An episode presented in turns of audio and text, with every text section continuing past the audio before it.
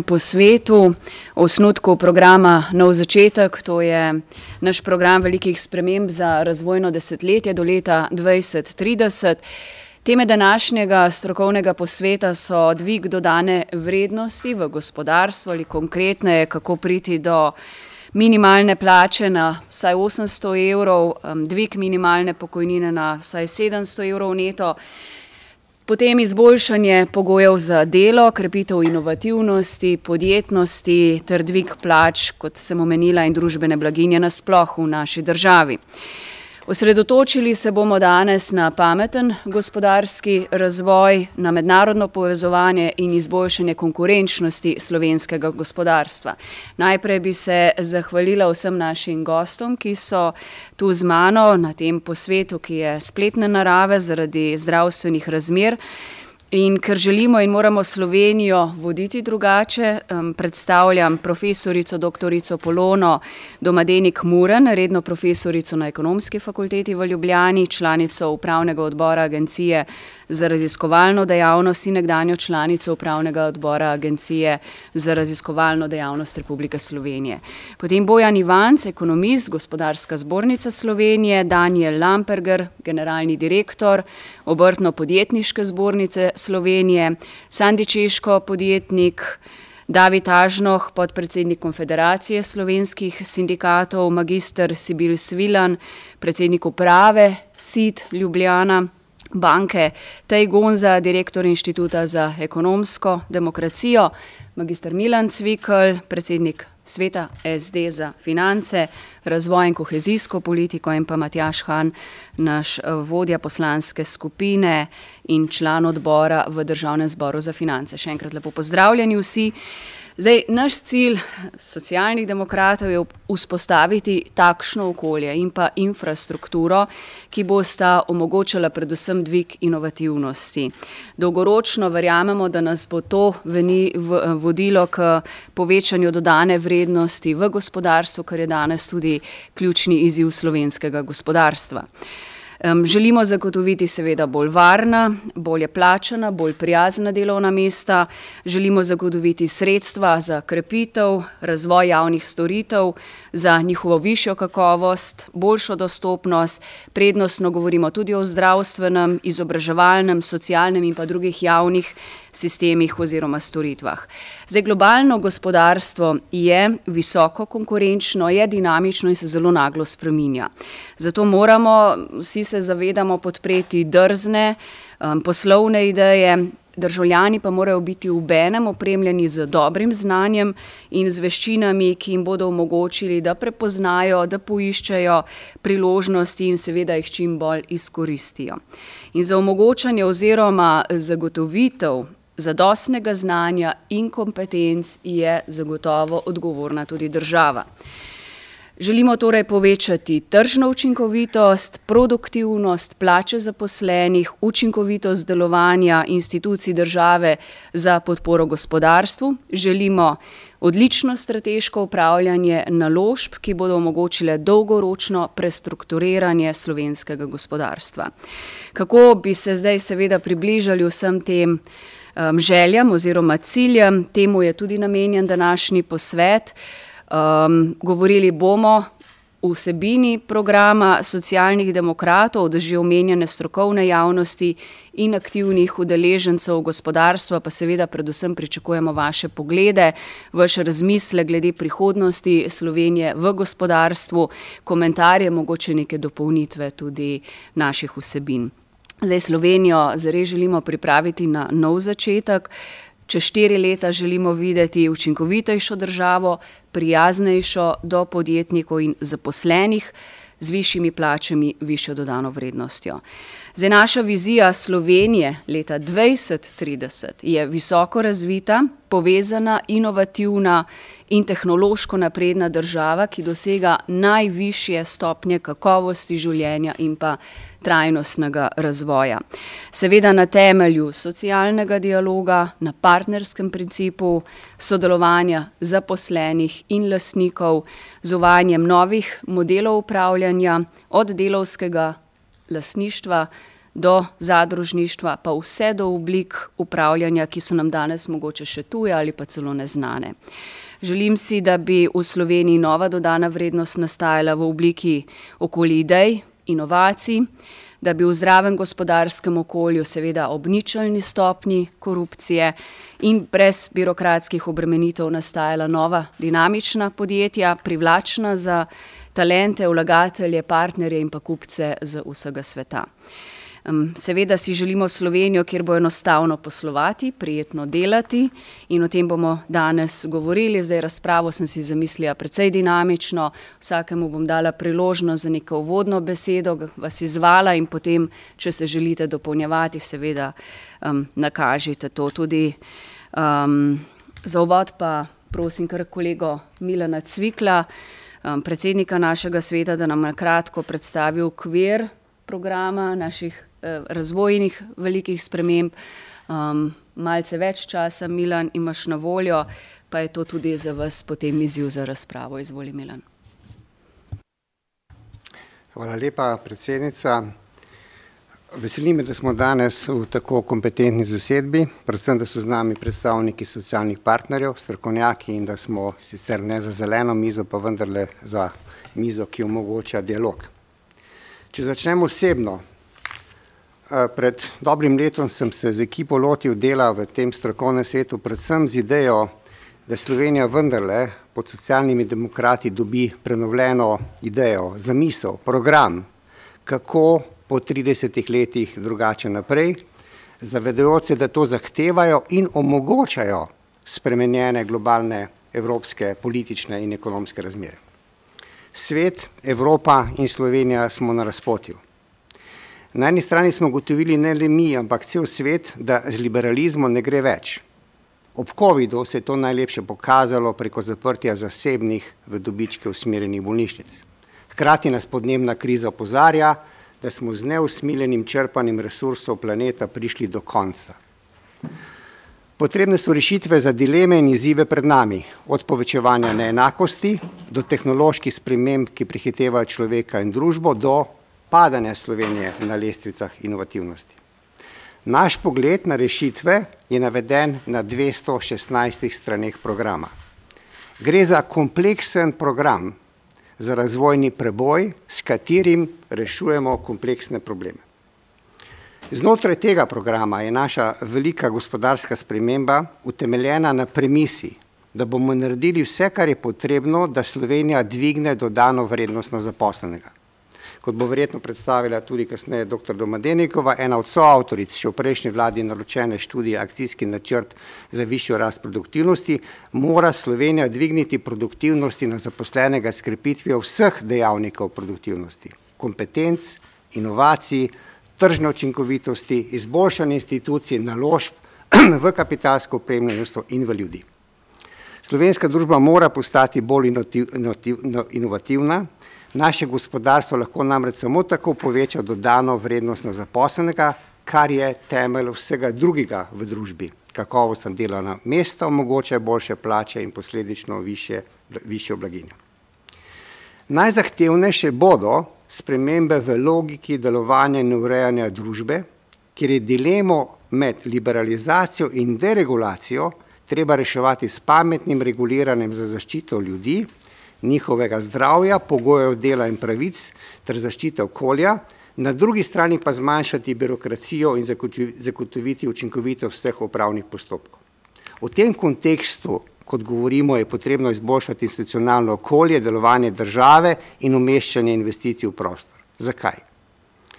Gospodarstvo je zaradi pospešitve internalizacije na eni strani, povečanih konkurenčnih pritiskov, ne samo energetska kriza, ki prihaja prva, temveč predvsem za deglobalizacije, trganja proizvodnih verig v situaciji, ko se te selijo nazaj v Evropo in Slovenija je pred izjemno priložnostjo in država, vlada, mora vedeti, da dela za ljudi, za njihova delovnega mesta, delovna mesta, torej za gospodarstvo. V tem kontekstu podpiramo seveda vlaganje v kapitalsko opremnosti države, v kritično infrastrukturo, da nimo energetiko, povezljivost, če hočete, trajnostni promet in obenem v raziskovalno sfero in bazične raziskave. Vendar mora država podpreti podjetniška vlaganja v raziskave in razvoj, umetno inteligenco, digitalizacijo in robotizacijo, pa tudi vlaganje v mehke dejavnike produktivnosti, kot se znanja, kompetence, motiviranost in organiziranost procesov.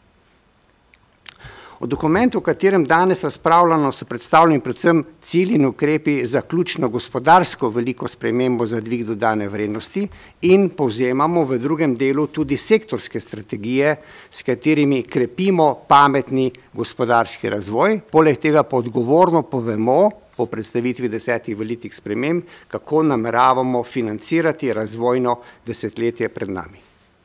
Glede temeljnega vprašanja dviga dodane vrednosti želimo razvojni preboj primarno podpreti s podporo gospodarstva, kot to ustvarja kakovostna in zelo dobro plačana delovna mesta. To sedaj zaradi sprememb na evropski svetovni ravni omogočajo obsežna povratna in nepovratna EU in domača sredstva. Pogoji povratnih sredstev, kot so ugodna nizka obrestna mera in dolga ročnost s pet, s pet desetletnim motorjem za začetek vračanja, omogočajo, da bi podjetniki pridobivali ta sredstva na stalnih razpisih za tržne projekte. Torej gre za spodbudo, podporo zasebnih vlaganj v osnovna sredstva, podjetniške raziskave in razvoj, nadaljno mehanizacijo in avtomatizacijo, kakor tudi, če hočete, umetno inteligencijo, digitalizacijo in robotizacijo programu smo zapisali, podpiramo vizijo predelovalnih dejavnosti v Sloveniji, kjer težko manualno delo, tudi upoštevaje pomankane delovne sile v Sloveniji, opravljajo, to delo opravljajo roboti v podjetjih sedežih v Sloveniji in obratih ali v Sloveniji ali v soseščini, skratka, da se nizko plačana delovna mesta nadomesti z dobro plačanimi delovnimi mesti upravljavcev teh robotov, razvojnih načrtovalcev, tržnikov in vodstvenega osebja in se s tem podjetja premaknejo više v verigi dodane vrednosti. To bi moral biti splen slovenskih podjetij iz te nove deglobalizacije, tega vračanja industrije v Evropo. S podobno kombinacijo povratnih in nepovratnih sredstev pa želimo podpreti tudi druge gospodarske panoge, kot so storitveni sektori, kreativna industrija, izgradnja v izboljšave v infrastrukturi, energetika, vse zato, da pospešimo in olajšamo prehod v trajnosten, digitalen, če hočete zeleni, trajno odporen poslovni model. O temu govorimo v teh posameznih sektorskih strategijah, na eni strani od javne finančne podpore temu razvojnemu preboju do oblikovanja novega raziskovalno-inovacijskega okolja, pripravili smo zakon v tej smeri in podpore sektorskih, če hočete, industrijskih politik za podporo gospodarstva. Gre za splet makroekonomskih in mikroekonomskih ukrepov. Dvig dodane vrednosti namreč želi, zagotavljamo prvič z ukrepi za polno aktivacijo razvojnih virov, kjer imamo najprej spoznanje na ravni EU, da je potrebno novo politično-ekonomsko okolje, če hočete neokanisenizem, ki upoštevaje vse izkušnje finančne in prejšnje kriz, pravzaprav daje spodbudo za nov razvoj. Drugič menimo, da znotraj tega potrebujemo tudi v Sloveniji novi desetletni socialni sporazum o razvojnih vprašanjih, Ta bi moral vključevati dogovor o uporabi finančnega vzvoda multiplikacije razvojnih virov, kjer nepovratnih 1,6 milijarde dodatnih virov iz mehanizma za okrevanje in odpornost povežemo z tremi milijardami še neuporabljenih povratnih virov, z kohezijskimi in drugi viri in oblikujemo za vzvod 15 milijardni oblikujemo vzvod za 15 milijardni naložbeni ciklus, ki se mora začeti v naslednjem mandatu, ob tem pa seveda želimo na ta način učinkovite uporabiti omejen proračunski denar za pospešen razvoj. Verjamemo, glede na razmere Slovenije proti poprečju EU, da takšen socialni sporazum mora vključevati tudi dogovor o oblikovanju stabilnega in odzivnega davčnega okolja, kjer dogovorimo potrebne spremembe glede primerjalno davčno preobremenjenega dela redno zaposlenih in podobremenjenih drugih oblik dela ter kapitala oziroma dohodkov iz kapitala ter preboženja. Izboljšanje upravljanja državnega premoženja z povečanjem odgovornosti lasnikov, tudi države, kar spremljamo zadnje tedne, je seveda nujni pogoj. Nadaljni razvoj finančnega kapitalskega trga s povrnitvijo zaupanja malih vlagateljev omogoča zagotavljanje še dodatnih domačih povratnih virov, seveda pa razvoja ni brez enakopravne vključenosti v razvojne aktivnosti vseh socialnih partnerjev, mladih in starejših, ženskih in moških ter vključevanja lokalne skupnosti v procese odločanja. Drugič ali povezano s tem, mikro, če hočete, Želimo podpreti dvig konkurenčnosti in dodane vrednosti podjetij z krepitvijo mednarodne konkurenčnosti slovenskega gospodarstva s podporo vseh aktivnosti, ki povečuje njihovo rast v mednarodnih verigah vrednosti in povečuje internalizacijo v razmerah deglobalizacije. Podporo inovacijam, višenimi vlaganji v raziskave in razvoj ter seveda tudi novo organiziranost raziskovalnega inovacijskega sistema in želimo podpreti seveda podjetja v vseh panogah, še posebej pa mala in srednja podjetja, ki imajo največ potencijala za razvoj. Vzvod ali pa instrument tega je digitalna emancipacija Slovenije kot horizontalna politika, ki naj prevejo vse družbene in gospodarske sektore, ker se mora stari, klasični, če hočete, ameriški razvoj modela, potovanje iz predmesja v službe v mesto in nazaj, zamenjati delo nadaljavo, delo od doma in to se vključuje na eni strani povečati digitalno povezljivost kompetence in storitve, na drugi strani podpreti pospešitev digitalizacije gospodarstva. Vsem tem je govora v našem programu.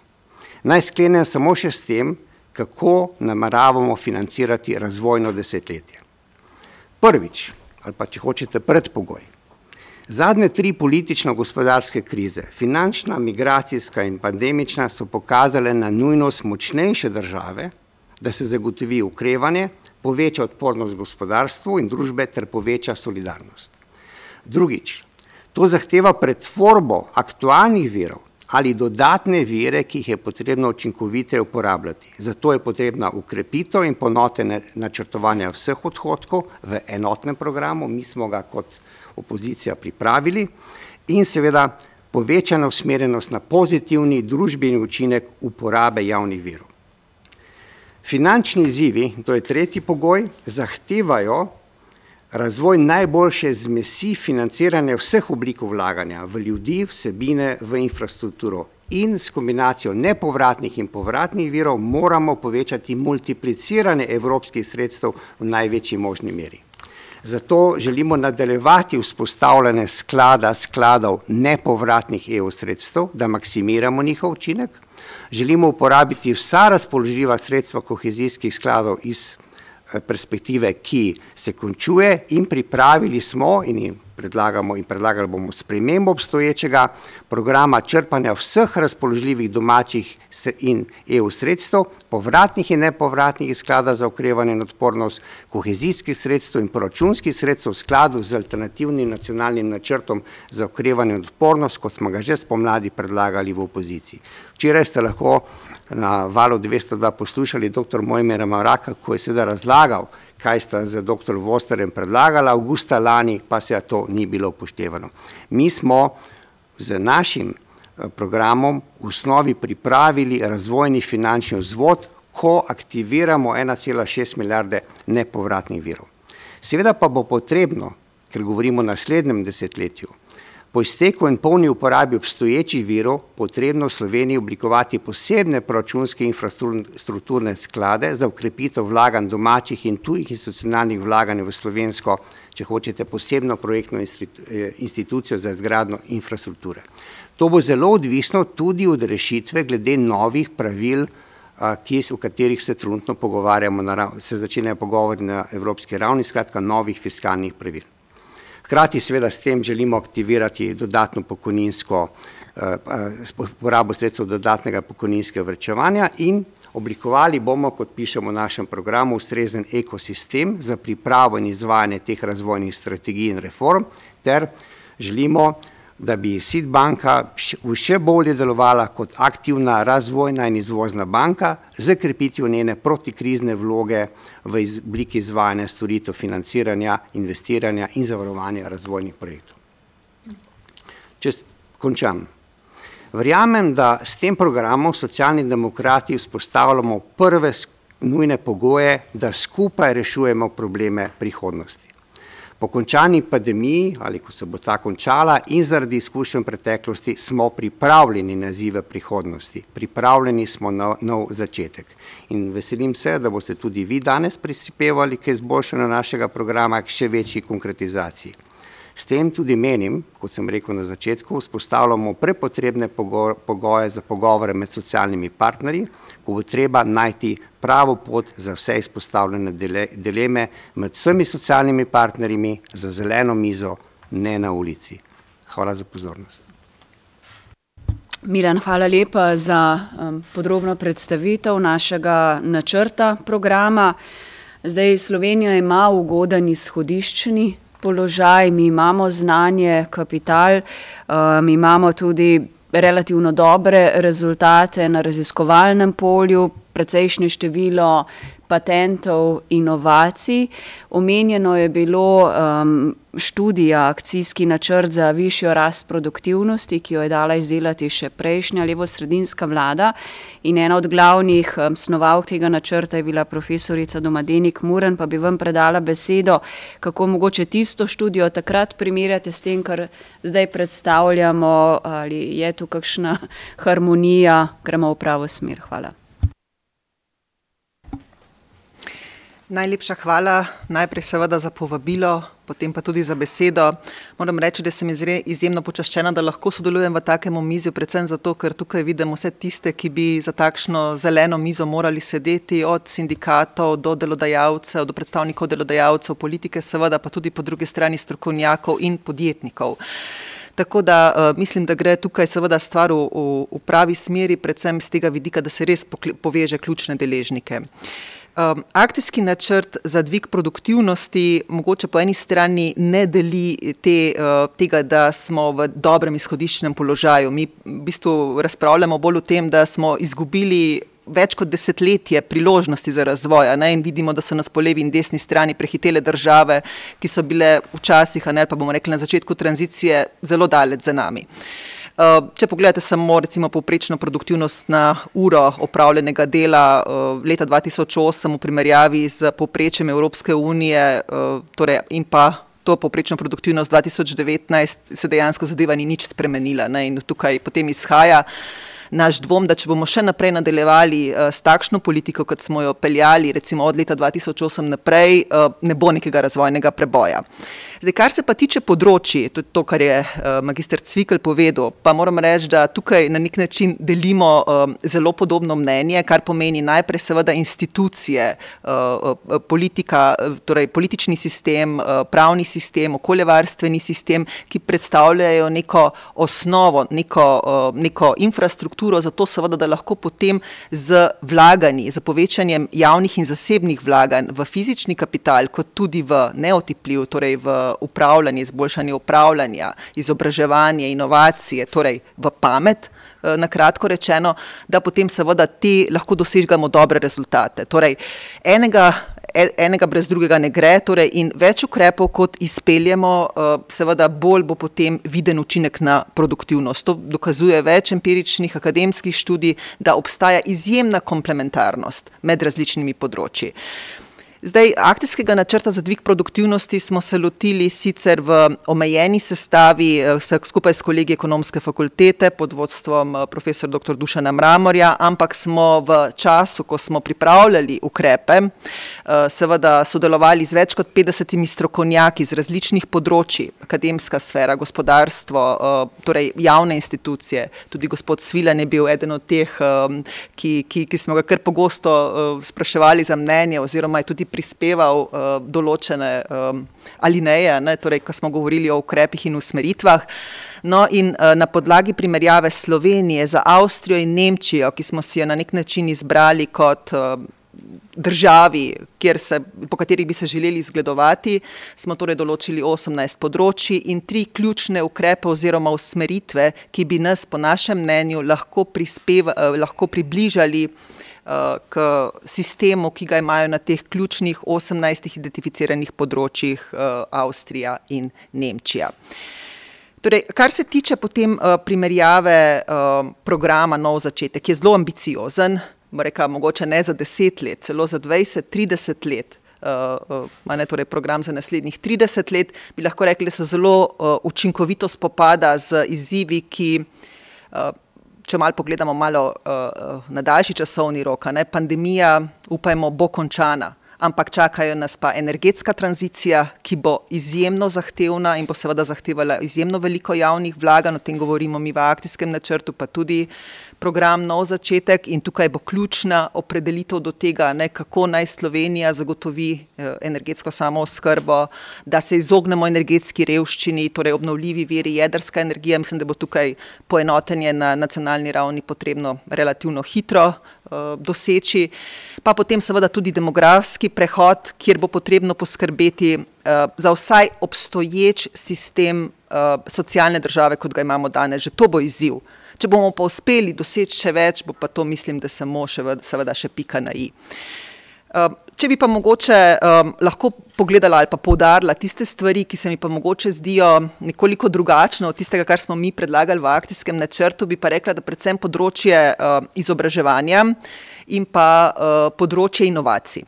Zdaj seveda Slovenija po inovacijski aktivnosti dosega relativno veliko število patentov, ampak te patenti ne pridejo v prakso. Torej, uh, nimamo dodane vrednosti iz tega naslova. Ne? Ker, če malo pogledam, glede na to, da prihajam iz te sfere, torej delovala sem v prejšnjem mandatu kot članica upravnega odbora uh, Javne agencije za raziskovalno dejavnost in tam je bila vse skozi prisotna dilema, koliko raziskovalnega, javnega raziskovalnega denarja naj gre v temeljne raziskave in koliko v aplikativne raziskave. In se nikakor nismo mogli poenotiti glede tega. In recimo, če ponezorim, inštituti na finskem zelo močno delajo z gospodarstvom. V Sloveniji je sistem stimulacij naštiman tako, da vsi na univerzi in na inštitutih samo gledamo, koliko člankov bomo objavili in koliko, koliko se bomo citirali. Ne? Oziroma, dobro, bom rekla, med sabo, seveda pa tudi uh, citati, ne so tisti, ki štejejo. Ne šteje pa, koliko teh zadev je dejansko bilo apliciranih v uh, praksi. In tukaj tudi uh, pozdravljam torej, ukrep tega uh, voucherja za podjetja, ki bi verjetno omogočil, uh, da bi lahko podjetja preko javnih sredstev naročila v narekovaju tudi uh, določene raziskave, ki so bistveno bolj aplikativne, kot so sedaj. Torej, uh, sam sistem nagrajevanja na univerzah uh, ne, je potrebno spremeniti. Torej, ni za dosti samo dodati sredstva v raziskovalno in visokošolsko sfero. Poglejte, Univerza v Ljubljani vsako leto drsi na lestvici mednarodne konkurenčnosti. Smo med 500 in 600 mestom. Zaostajamo za Univerzo v Beogradu in za Univerzo v Zagrebu. Pa so kljub temu tudi to velike univerze. In tukaj bi se moralo vprašati, zakaj. Univerza sama, prihajam iz Univerze v Ljubljani, to se to drznem reči. Mi smo premalo ambiciozni, ne postavljamo si cilja biti med recimo 300 najboljših univerz na svetu.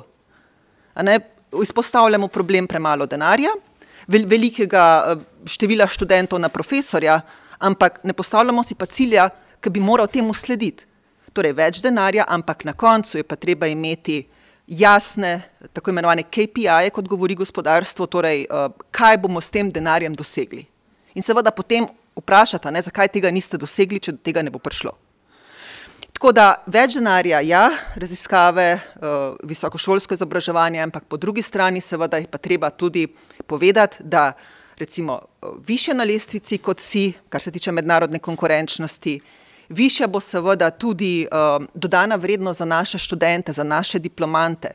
Tudi tu smo recimo naredili nekaj napak v preteklosti. Samo pogledajte uvedbo bolonskega sistema, kjer smo iz dejansko petletnega izobraževanja do diplomskega prve stopne 4 plus 1 prišli na torej bolonski sistem 3 plus 2 ali pa 4 plus 1 plus dve leti dodatnega absolventskega staža, tako po prvi kot po drugi bolonski stopni.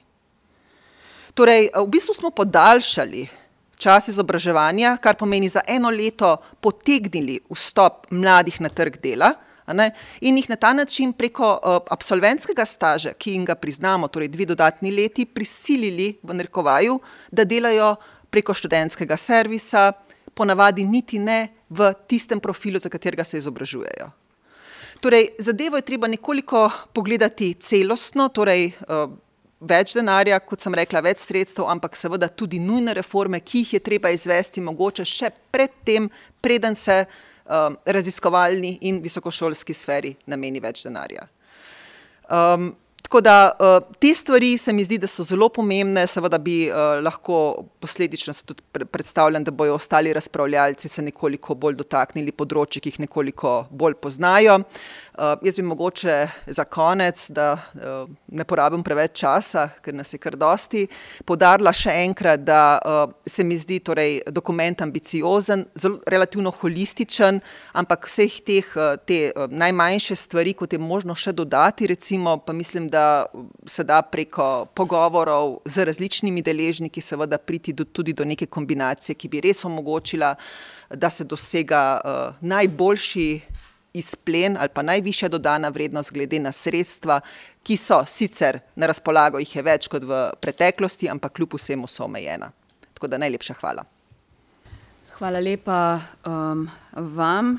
Zdaj, če greva potem iz drugega vašega izhodiščnega pogleda, da Slovenija nima tako ugodnega položaja, da smo deset let vsaj zapravili priložnosti.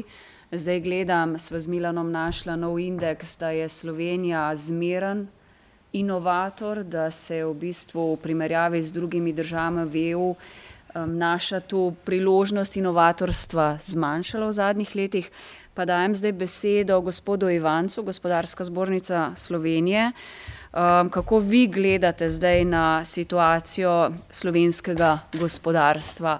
So izgubljene priložnosti in kaj lahko tu prihodnja vlada ali država v nadaljevanju naredi, tudi mogoče v luči našega programa?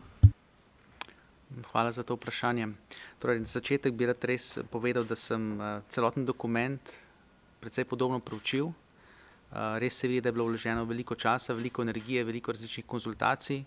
Tudi za vrsto predlogov so dejansko vsebinske podlage precej dobro definirane. Vseeno pa v bistvu sem si pri določenih področjih, uh, bi rekel, zastavil neka dodatna vprašanja, ki bi jih zdaj pač javno rad izpostavil. Uh, tudi določene stvari, ki bi rekel, da so zelo sprejemljive, bi tudi želel pohvaliti. Ampak najprej, da odgovorim na vaše vprašanje. Ja, jasno, trenutno smo v fazi postpandemičnega ukrevanja, gospodarska rast je zelo visoka. Nedavno Evropska komisija svojo jesensko napoved dvignila zaradi pač zelo visoke rasti v drugem in tretjem četrtletju. Kar nas verjetno vse čudi, je to, da se države ne v bistvu ne uvajajo enako rigoroznih zazitvenih ukrepov danes, kot so recimo marca lani, kajti pač večji delež prebivalstva je cepljena. Verjetno je tudi nek tukaj tukaj družbeni konsens prisoten, da si država verjetno teže privošči, ko bi rekel, zaizitvene ukrepe, tako da nekako vizija je vse v to, da dosežemo neko gospodarsko rast. Na drugi strani se pa seveda postpandemično ukrepanje pomeni, da se bo prihodnja vlada verjetno morala soočiti tudi z višjim javnim dolgom. Slejka prej, jaz verjamem, da bo na ravni EU dosežena sprememba na nivoju fiskalnih pravil, ne smemo pa pozabiti, da imamo v Sloveniji zapisano, fiskalno pravilo v ustavo in da dejansko je potrebna dvotretinska večina poslancev za njegovo spremembo. Tako da tukaj v bistvu bo treba verjetno tudi znotraj Slovenije doseči nek družbeni konsens, vkolikor seveda ne bomo, vkoliko, v, v, v nasprotnem primeru sicer uh, nas, nas čaka verjetno tudi leta, ko bo dejansko javna poraba se morala kar precej verjetno znižati, ne toliko nominalno, kot glede na bruto domači proizvod, ampak vseeno vsi sami vemo, da to pač pomeni tudi potem, eh, kako bi rekel, ne, neprijetne, politično nepriljubljene ukrepe. Dobro, pa če grem zdaj na vaš dokument. Tako bom rekel, pri viziji bi pogrešal, eh, jaz razumem, razumem vaš fokus na minimalno plačo, spoštujem to, V osnovi lahko že povem, da pač gospodarska zbornica Slovenije ne nasprotuje usklajevanju minimalne plače, vsaj njegovo realno ohranitev. Vsi vemo, kje smo trenutno po, viš, po višini minimalne plače, trenutno smo na sedmem mestu po kupni moči minimalne plače znotraj 21 evropskih držav, ki minimalno plačo v, v Evropi na nacionalni ravni poznajo.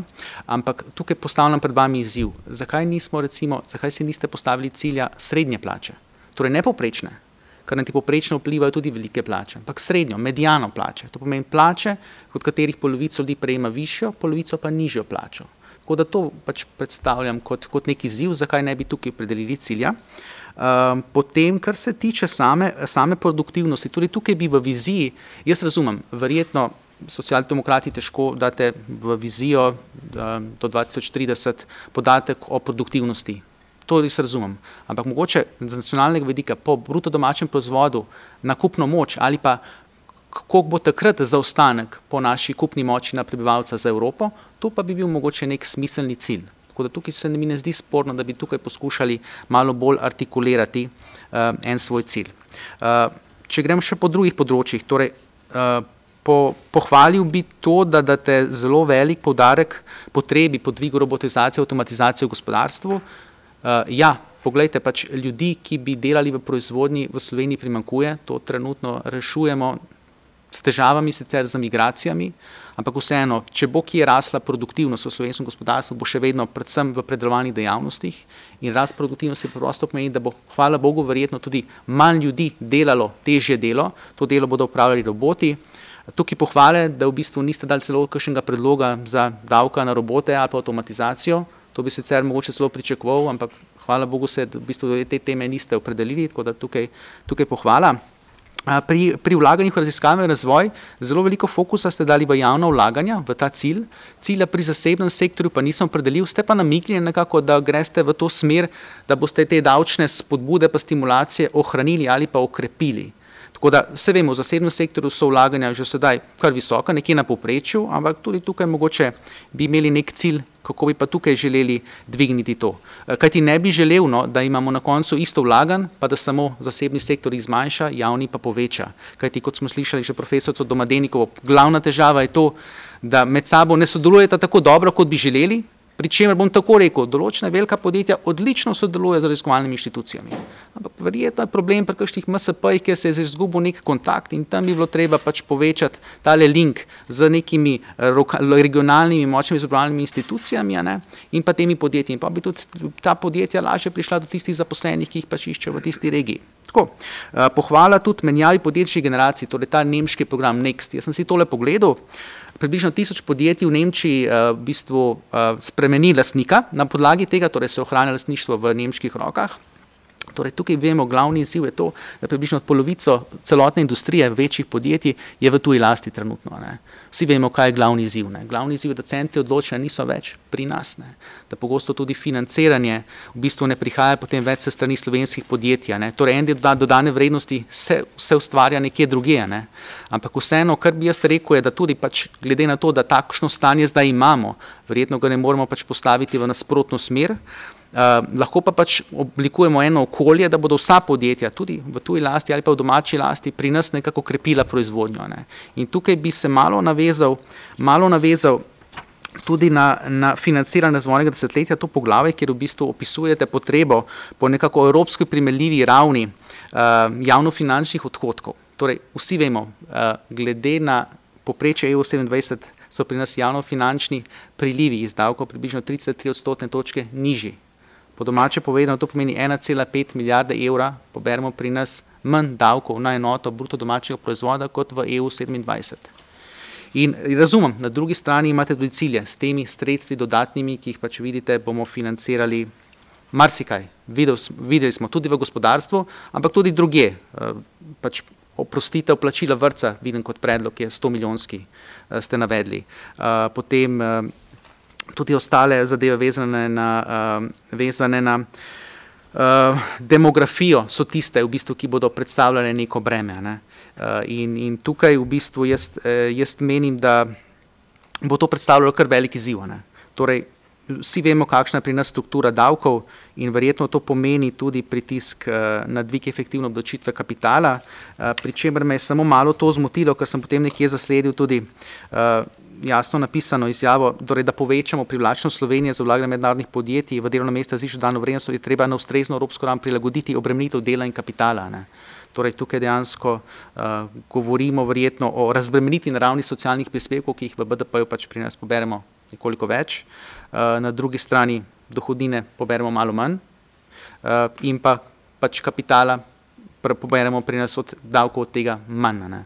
Tako da tukaj v bistvu težko vidim, no, kako bi na podlagi veš, večje obremenitve kapitala dosegli večjo privlačnost uh, podjetij za, za vlaganje v Slovenijo. No. Tako da tukaj uh, samo v razmislek. Uh, pri ukrepih za spodbujanje drugega tega pokojninskega stebra, torej tukaj bi predvsem vam to povedal. Meni, se, meni bi se mi zdelo dobro, no, da bi tukaj predlagali, uh, da že v okviru um, tretjega stebra, ko ga imamo, da bi mogoče omogočili nekoliko uh, večjo možno davčno lešavo za vplačila. Uh, kar se pa tiče, zakaj ta pokojninska sredstva, ki so relativno majhna, no, glede na ostala primerljiva gospodarstva v BDP-ju, uh, je pa pač glavni razlog to, da večina ljudi še vedno vrčuje nekako v, v garantiranem skladu. Ne, in seveda v garantiranem skladu potem tudi pokojninski sklad ne more v bistvu vlagati v neke oblike, ki bi pomenile za Slovenijo produktivno naložbo. Po domače povedano, večino še vedno pokojninski skladi kupujejo obveznice, ne pa v bistvu tisto, kar bi želelo mogoče domače gospodarstvo, da bi dobilo na osnovi tega neka sredstva. Tako da tukaj imamo pač neki ziv, ki je pač povezan s tem, da drugega stebra, kot recimo ima Hrvaška, mi nimamo. Ne? In verjetno tudi ga ne bomo kdaj v bodoče implementirali, kajti to bi verjetno pomenilo zopet izpad prilivov iz prvega stebra. Uh, zdaj, kar, kar, tako, kar sem še malo tako opazil, no, je, da nekoliko več podarka dajete torej tudi lokalnim skupnostim. Jih tudi imate kot odločevalca pri marsikateri pomembni zadevi, ki se bo spremenila. Torej, del v bistvu uh, upravljanja države nekako uh, prenašate na občine, deloma namigujete na regije. Eh, tukaj bi predvsem rekel, z vidika fiskalnega upravljanja je potem to lahko potencijalno večji izziv, v kombinaciji s tem, da v bistvu dajete možnost, da občine dvignejo mejo zadolževanja in tudi javnopravnih subjektov. Strinjam se, to bo verjetno povečalo investicije BDP na kratek rok. Eh, na drugi strani pa zopet eh, govorimo o tem, da se v bistvu javni dolg povečuje tudi v delu strukture države, kjer sedaj niti ni bil toliko prisoten, ne, kajti predvsem v Sloveniji je zadolžena centralna država, medtem ko pač občine niti niso tako veliko. Ne. Uh, tako da to je pač morebiten izziv. Uh, drugače, kar je recimo še malo zmotilo, je regulacija najemnin v praksi, tudi tiste države, ki so to izvedle. Uh, to težko nadzirajo, oziroma je vrsto možnosti, imajo potem tudi te, ki oddajajo ne, um, načine, kako izigrati to zakonodajo, ki ima seveda, bodimo pošteni, uh, pošten namen, s tem, da pač uh, omeji neko, neko višino. In glavna težava imamo že sedaj v Sloveniji, ker vrsto teh najemnih razmeri ni pač uradno prijavljenih, tudi uradne najemnine so niže, kot so dejanske. Eh, in tukaj imamo že osnovi izziv, ki ne verjamem, da bi jih mogoče implementacija te rešitve lahko ustrezno naslovila. Eh, pri enotni pogodbi o zaposlitvi, torej tukaj sem pa razumel, da v bistvu imate to željo, eh, da bi nekako zamejili pojavnost prekarnih razmeri. Torej tukaj pa, pa predvsem ta nevarnost, no, kaj bi to dejansko pomenilo za tiste, ki so trenutno v teh zaposlitvah, ali bi to more biti pomenilo, da bi tudi dejansko ohranili svojo zaposlitev, eh, oziroma ali bi tudi s tem ohranili svoje neto prejemke, ki jih sedaj dobijo. Ne. Tako da tukaj v bistvu eh, je lahko to pač potencijalno nevaren teren eh, z vidika samega trga dela. Um, zdaj, tako bi jaz nekako povzel. Še ena mogoče ena stvar, no, ki me je malo zmotila, no, z vsem spoštovanjem. 32-urni delovnik ob istem plačilu. Um, Zdaj za kreativne industrije v tujini je to pač pogosto, uh, mislim, je, je, je v določena podjetja to imajo, ne? to so tista najboljša, ne, svetovna. Ampak uh, nisem pa zasledil, no, da bi to na nacionalni ravni implementirali na takšen način. Eh, na zadnje, znotraj Evropske države, kakšna država to naredi, če se jaz ne motim, je to Francija naredila, ne? Eh, da pa smo mi zdaj zreli dejansko pri tej strukturi gospodarstva, ki jo imamo, bi pa rekel, da je o tem mogoče malo prezgodaj, oziroma da bi to bilo verjetno selektivno za določene dejavnosti, to še mogoče na nacionalni ravni, sem pa do tega predloga malo zadržan. Tako, hvala lepa, kot rečeno, eh, dober dokument, dobro razdelano in upam, da boste pač pozitivno tudi prevzeli moje komentarje. Hvala lepa. Hvala lepa, Bojan Ivan, za res izjemno dober odziv. Hvala za vse in kritike in spodbudne besede. Na vsak način ta pogovor moramo in upam, da bomo nadaljevali. Zelo podobno izhodišče bi dala tudi vam, gospod Daniel Lamperger. Um, za obih podjetniško-obrtniške obrtniške zbornice. Najprej glede aktualne gospodarske situacije, slišali smo javni dolg, zdaj izrahljana fiskalna pravila, kmalo bodo ta spet postavljena v neko normalo, kaj bo to pomenilo za prihodnje. Um, situacijo v Sloveniji, tudi zavedujoč se, da bo Evropska centralna banka počasi začela umikati ukrepe, da je javni dolg res izjemno velik. Um, kaj pa pomeni to za majhna in srednja podjetja, podpora njim, kako vidite situacijo? Najlepša hvala. Seveda eh, tudi hvala za tole povabilo, da lahko predstavimo naše poglede. Zdaj, najprej bi seveda omenil, da se ne bi rad ponavljal z kolegi iz gospodarske zbornice, zato ker večina nekih pogledov in stališč imamo seveda enakih, ker vendarle oboji zastopamo uh, najbolj številčno množico, to so mikro in mala podjetja, ki tradicionalno seveda od uh, političnih odločevalcev želijo neko stabilno poslovno okolje, čim niže davke, predvsem tam na področju obdavčitve dela in tako naprej, pa bi se vseeno fokusiral na, najprej konkretno na vaš odgovor. Seveda drobno gospodarstvo v tem trenutku, v času pandemije, je bilo izrazito uh, neenakomerno uh, prizadeto. Ne. Imamo panoge, ki so popolnoma na psu, ne, kot so recimo zabavna industrija, gostinstvo relativno slabo posluje, tisti, ki delajo prevoze potnikov, mednarodnem prevozu in tako naprej. Po drugi strani pa so številni sektori, ki relativno dobro delajo in so v tem trenutku v dobri kondiciji, predvsem uh, proizvodna storitvena podjetja, ki zagotavljajo storitve končnim potrošnikom, tako da na tem segmentu ni tako slabo in zdaj neke temelje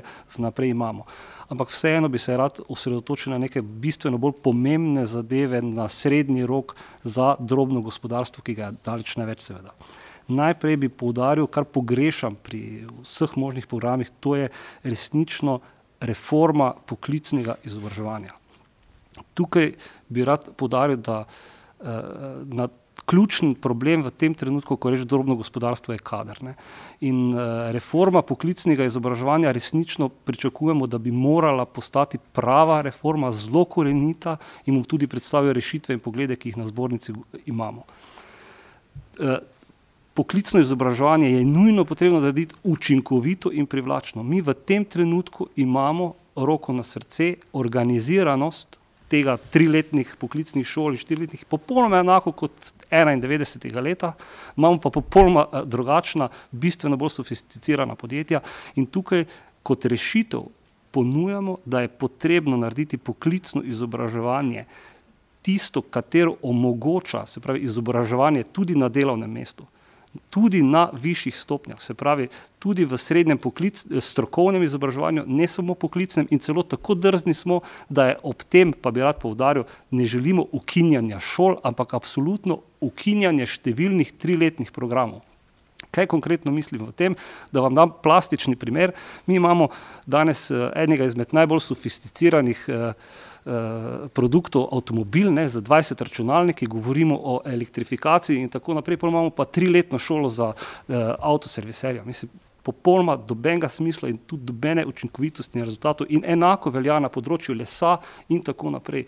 In žal si moramo priznati, v teh šolah imamo negativno selekcijo in številni ljudje, ki imajo afiniteto do posameznega poklica, se pač enostavno v to šolo ne upišajo in ne dajo. Zato ne govorimo o tem, da ne bi kdo bil prestrašen, da govorimo o ukinjanju šol, ampak o ukinjanju triletnih programov, tam, ki ti niso učinkoviti, produktivni, nam povzročajo negativno selekcijo in enostavno treba biti bolj smel, predstaviti to na višji nivo, ker tudi delodajalci to pričakujejo in uh, verjamem, da bo na tem področju tudi zagotovljena bistveno večja produktivnost kasneje, o kateri je danes govora.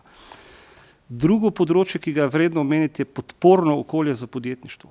Veliko danes debatiramo in govorimo in tudi že prej bilo parkrat omenjeno, ne, je področje, da je potrebno pač uh, digitalni preboj narediti, zeleni preboj narediti, raziskovalni preboj in tako naprej. Uh, na tem področju, vse na področju podjetništva, ne, seveda so tukaj ena izmed ključnega pomena podporne inštitucije, ki slovenskemu drobnemu gospodarstvu, za katerega je potrebno razumeti, da je izredno razpršeno, mi imamo več kot 100 tisoč eh, gospodarskih subjektov, zelo malih, razpršenih po najrazličnejših dejavnostih. In če mi želimo k masi teh podjetij, približati te veščine, ta znanja, dostop do financiranja, o katerem je bilo govora in tako naprej, seveda rabimo podporno okolje, ki jim bo to znanje prinašalo direktno na teren. In kaj se nam tukaj dogaja? Podporno okolje je razdrobljeno, agencije, ki bi rad spet podaril, da ne bi bila kritika zdaj tukaj, ne, agencije, ki so ustanovljene na nacionalni ravni za podjetništvo, tuje investicije in regionalne agencije in tako naprej. Mi odlično z njimi sodelujemo, vendar prihaja v podpornem okolju do prekrivanja aktivnosti, ni resne specializacije. Ne vem, agencije, ki bi morale skrbeti za vstop na tuje trge mikromalim podjetjem, ustanavljajo mreže po Sloveniji, ki jih imamo mi pa gospodarska zbornica že 50 in več let in ni dobene potrebe, ne, da delamo tukaj pravzaprav vsi vse in se borimo na trgu za, za, za, za, za to, da lahko preživimo, glede na to, da je možno spostaviti okvir in tu je potreben zakonodajni okvir, ki bo določil, kakšno vlogo kdo tukaj ima in potem te KPI-je, o katerih je bilo govora, da bomo tudi merili, kako učinkovito to podporno okolje je. Ne? In da dam spet konkreten primer, recimo Mikro in mala podjetja imajo veliko srečo, da imajo v soseščini izredno razvite in dobre trge z kupno močjo. Ne. In pri čezmejnem upravljanju storitev v sosednji Avstriji, Nemčiji in tako naprej, ne, mi recimo potrebujemo dodatno support in podporo, če želimo narediti to, da bodo mikro male podjetniki tam lahko prodajali in tudi dobili odlično plačilo za svoje storitve, ampak ne, če imamo agencijo, ki v Sloveniji mrežo ustanavlja, namesto da bi jo tam ustanavljala ne, in v Sloveniji resno se moramo vprašati, dobena od podporno inštitucija ne, nima svoje mreže v tujini. Če pogledamo Avstrijo, Nemčijo, Mačarsko, to imajo po 30-40 agencij, te nacionalne agencije po vseh možnih državah, ki odpirajo trge, pomagajo. Mi smo vse prenesli na gospodarsko diplomacijo, ki seveda spet odlično dela, vendar ne tisto, kar podjetja potrebujejo. Tako da s tem bi pravzaprav zaključil, seveda je potem tradicionalno iz področja oboti vendarle potrebno omeniti neke osnovne eh, želje in eh, zahteve, eh, se pravi, da je potrebno narediti zakonodajo, ki bo bolj fleksibilna, predvsem na področju eh, odpuščanja in tako naprej. Tudi tukaj ne, nišče ne govori, da je potrebno narediti zakonodajo brez varovalk, vendar bistveno večjo fleksibilnost. Ne, je pa potrebno zagotoviti, zato ker imamo področje, ki že 15 let eh, uvaja samo nove varovalke, nič pa ne razbremenjuje in številna podjetja se tudi zaradi takšnih administrativnih uvir uh, kasneje ne razvijajo. Ne? In tukaj bi lahko še nadaljeval o katerih uh, drugih ukrepih, kot so skrajšanje bolniškega staleža na račun delodajalca in tako naprej, ampak to verjamem, da tako, tako vse čas poudarjamo v okviru naših zahtev obrti in podjetništva. Toliko za enkrat in hvala za to, da smo lahko povedali naše mnenje. Hvala lepa tudi za um, izjemno zanimiv vaš pogled na stvari. Um, in bom del tega prenesla tudi na um, podjetnika Sandija Češka. V našem nagovoru na programski konferenci si se dotaknil veliko teh mednarodnih trendov. Zdaj je bilo omenjeno podporno okolje, nujno za podjetništvo. Pa mogoče prvo vprašanje, ali Slovenija s tem podpornim okoljem za podjetništvo je nekje primerljiva, kam bi se lahko vrstili v kontekstu EU ali mogoče nekih mednarodnih tokov. Um, tu vidim, me tudi kolega opozarja, da smo mi v program zapisali, da želimo k sodelovanju za dobro prepoznavanje, uresničevanje priložnosti na mednarodnih trgih vzpostaviti slovensko mednarodno gospodarsko zbornico, katere jedro bodo sestavljali v tujini živeči gospodarstveniki, diplomati, predstavniki globaliziranih slovenskih podjetij. Um, to se mi zdi zanimivo vseeno izpostaviti. Sandi, potem pa vseeno še vprašanje. Zdaj veliko podjetij slišimo danes ali pa panog je na robu propada ali je propadlo. Kak je lahko tu odnos z zaposlenimi, za možnost ali odkupa deleža podjetja, da podjetje preživi ali pa mogoče tudi ta ideja.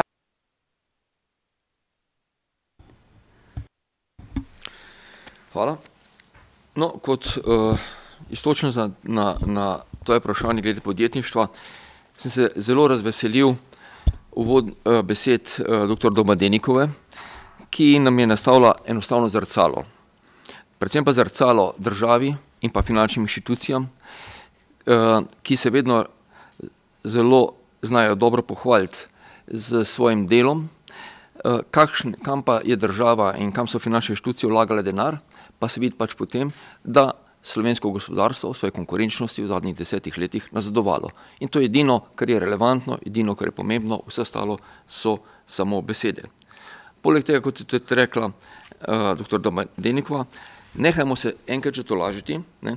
Uh, tu malo tudi kritika mogoče na, na naše vodstvo, uh, pa komentarje, da uh, sto zatohlo zlato sredino. Te sredine ne bo več. Danes bodo samo še v tem svetu zmagovalci in zgubari. Ne? In ta sredina izginja v vseh segmentih. In tu sme, se mi uh, vedno uh, uh, predvsem to lažemo.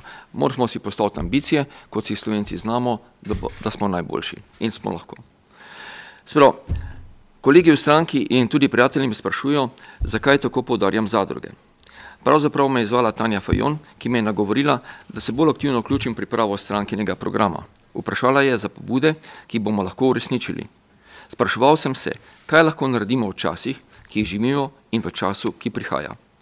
Ljudje delim na tiste, ki menijo, da je treba samo preživeti COVID krizo ter počakati, da bodo razmere zopet prišle nazaj v neko normalno stanje. In na tiste, ki menijo, da smo šli na začetku dolge poti skozi obdobje negotovosti, nepredvidljivosti in novih turbulenc. Sam sodi na skrajni rob te druge skupine, pa ne samo od nedavno, ampak že zelo dolgo. Vse takrat, ko sem prebral knjigo, samo parnojki bodo preživeli, ter še nekaj drugih napisanih v 90-ih letih. Razpoke, ki so se pojavile že pred 30 leti v realni ekonomiji, ne v finančnem sektorju, se z vsako novo krizo samo še močneje odpirajo, dokler ne bo prišlo do velikega poka. Živimo čas velike tranzicije družbenih odnosov na vseh ravneh in dimenzijah in ti se nepovratno in pospešeno odvijajo vsak dan. Menim, da se nikomor od nas niti malo ne svetlika, kaj nas čaka na poti v novo normalnost. Ta proces natrajati na 70, morda 20 let. Dolg in čuden uvod za temo o zadružništvu. Kako sem prišel na zadruge? Vprašal sem se, na kaj sploh še lahko pliva naša vlada in kaj njeni moči v danih razmerah in v tistih, ki prihajajo. Monetarna politika praktično nič. Fiskalna politika ta trenutek omogoča določen manevrski prostor, ampak samo zaradi korone. V letu ali dveh pa pride nazaj strogi programi varčevanja, zelo glasni austerity in z njimi trojke. Ne bo ostalo samo na enem primeru Grčije, čeprav smo na ta primer uh, že skoraj pozabili, vendar ga moramo potegniti nazaj, kajti prihaja ponovno na mizo. Vse banke in večja podjetja so v tujih rokah. Vlada v medijih samo pre, lahko še prebira naslove. V Slovengracu bodo zaprli tri tovarne, v Revozu odpustili nekaj sto zaposlenih, Unijo bo preselil proizvodnjo, vse to so naslovi zadnjih 30 dni. Če bi bili lastniki Slovenci, bila morda naša pogajalska pozicija vlade večja. Saj kot je nekdo nedavno plastično povedal, domačemu vedno lahko streš jajca, tako ali drugače. Taka je pač realnost ne samo pri nas, ampak celo v najboljših demokracijah. Najbolj bizarno vsega pa je naslednje. Prej smo podjetja v slovenski lasti zapirali takrat, ko so šlo bankrot, ko niso bila profitabilna. Tuj kapital pa bo zapiral tudi profitabilne obrate, če bo sta donosnost in politični kredit nekje drugje večja. Tudi sam ravnam po teh principih, ker so to pač principe današnjega trga. Ogrožena niso samo problematična podjetja, ogroženo je katerokoli podjetje in delovno mesto, v rokah tujcev. Veliko bolj kot delovna mesta, ki so slovenski lasti. Nič nimam proti tujemu kapitalu, nasprotno. Mislim, da je Slovenija rešil ogromno delovnih mest, ki so jih ogrozili nesposobni domači tajkuni v spregi s politiko. Ta naveza je učinkovita samo na enem področju, kako usmeriti davkoplačevalski denar v svoje žepe. V naslednjih letih se bo za državljane kriza poglabljala, za špekulante pa prihaja čas trgatve. V naslednjih letih bo namreč država distribuirala milijarde iz evropskih sredstv, sredstev in tudi naših novih zadolževanj. Eldorado za špekulante in politike. Že zdaj lahko vidimo, kako produktivno so bile naložbe, naložene milijarde, s katerimi je vlada v času korona krize zadolžila državo. Vkolikor imata ugledna ekonomista dr. Bole in dr. Mrak prav, smo na repu počinkoviti porabi teh sredstev v Evropi. Sovnik to neučinkovitost pa bo seveda treba plačati. Tudi za nove naložbe se največ govori o infrastrukturnih projektih. Kot smo se lahko naučili tudi v Sloveniji, na takšnih projektih politika in njeni presledniki najlažje pretakajo denar. Najprej smo svojo prihodnost zakopali nekaj metrov globoko pod zemljo skozi preplačeni avtocestni projekt, na to so stotine milijonov izpuhtele v zrak skozi dimnik T6 in tu se bom tudi ustavil, ker če bi našteval naprej ostale kriminalitete, verjetno ne bi končal pred Božičem. Kam bomo naložili naslednja, naložili sredstva in v koga s tem zadnjim, verjetno zadnjim velikim investicijskim projektom v Evropi, bo ključno za prihodnost in morda celo za obstoj Slovenije. Ali bomo zopet samo betonirali in zidali objekte in dimnike, temelječe na poceni uvoženi delovni sili, ali pa bomo znali naložiti pomemben del sredstev nazaj v tiste, ki dejansko ustvarjajo novo vrednost, v tiste, ki so zvezani s svojim delom in življenjem na Slovenijo. Kako smo pripravljeni, če pride do novega vala zapiranja delovnih mest in podjetij? Glede na to, da ima vlada zelo omejen spektr delovanja pri ustvarjanju nove vrednosti, menim, da je potrebno narediti resno strategijo na področju zadružništva, za katero se zdi, da je v Sloveniji prepovedana tema. Velik del politikov zna odlično ponavljati neoliberalne fraze, ki jih pa je seveda svetovni centri kapitala v svojih državah ne upoštevajo, predvsem ne takrat, ko so ogroženi njihovi nacionalni interesi. Privatizacija državnih podjetij, ki jo zahteva EU, ne pomeni, da sta naši edini opciji prodaje podjetij tujcem ali pa mešetarnje z domačimi tajkuni, kar se je dogajalo striktno v zadnjem 20-30 letih. Obstaja tudi tretja pot, zadružstvo oziroma delovski odkupi. Zakaj za nobeno vlado do sedaj to nikoli ni bila opcija? Verjetno zato, ker nam vlada špekulativni kapital. Zato smo pozabili, zavozili in zamovčali eno najboljših tradicij slovenske gospodarske zgodovine, zadružništvo. Brez doktor Janeza Evangelista Kreka, sicer ni bil edini, bi slovenskemu kmetu, pa tudi obrtniku, trda predla in morda jih večina ne bi ekonomsko obstala. Zadružstvo je zajemalo vse od kmetijstva, gradbeništva, zavarovalništva do bančništva in posilništva. Nastalo pa je kot mehanizem, s, kateri, s katerim se je kmetijstvo in drobno gospodarstvo v tistem času prilagodilo tržnim zakonitostim kapitalizma. Bili smo med prvimi, ki smo znali upeljati zadružni model, ki je prišel iz Nemčije in Avstrije. Imeli smo vizionarje, pogumne in požrtvovalne ljudi, ki so Slovenijo znali postaviti v evropski vrh.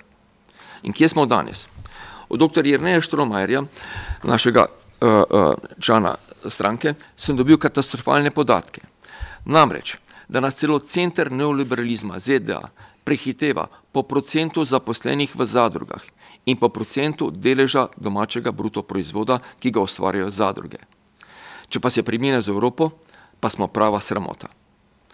Ne bom ukradel časa z opisovanjem zadrug, morda pa na kratko samo preberem, kaj ima na to temo zapisano Evropska komisija na svoji spletni strani. Zadruge imajo naslednje značilnosti. Predstavljajo odprto in prostovoljno združenje. So demokratična struktura, pri kateri ima vsak član en glas imajo pravično in pošteno porazitev gospodarskih rezultatov glede na obseg poslovanja, opravljenega preko zadruge. Zakaj so zadruge pomembne? V Evropski uniji je 250 tisoč zadrug, ki so v lasti 163 milijonov državljanov, tretjina prebivalstva EU in zaposlujo 5,4 milijona ljudi. Tržni delež, ki imajo zadruge v, v popanogah so kmetijstvo 83% na nizemskem, 79% na finskem, 55% v Italiji, 50% v Franciji.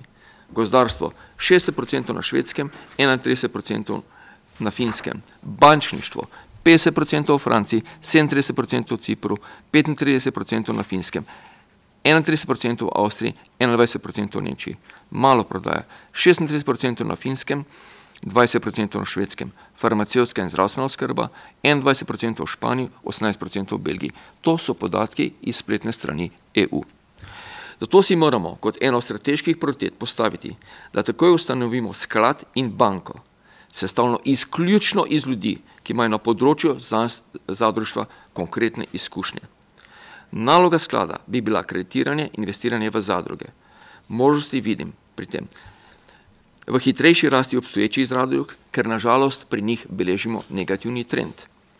Ustanovljanje novih, ki bi omogočile zaposlenim, da, lahko, da bi lahko odkupili obrate in podjetja, ki se bodo zapirala. Spodbujanje novih poslovnih iniciativ na, na podlagi zadružništva.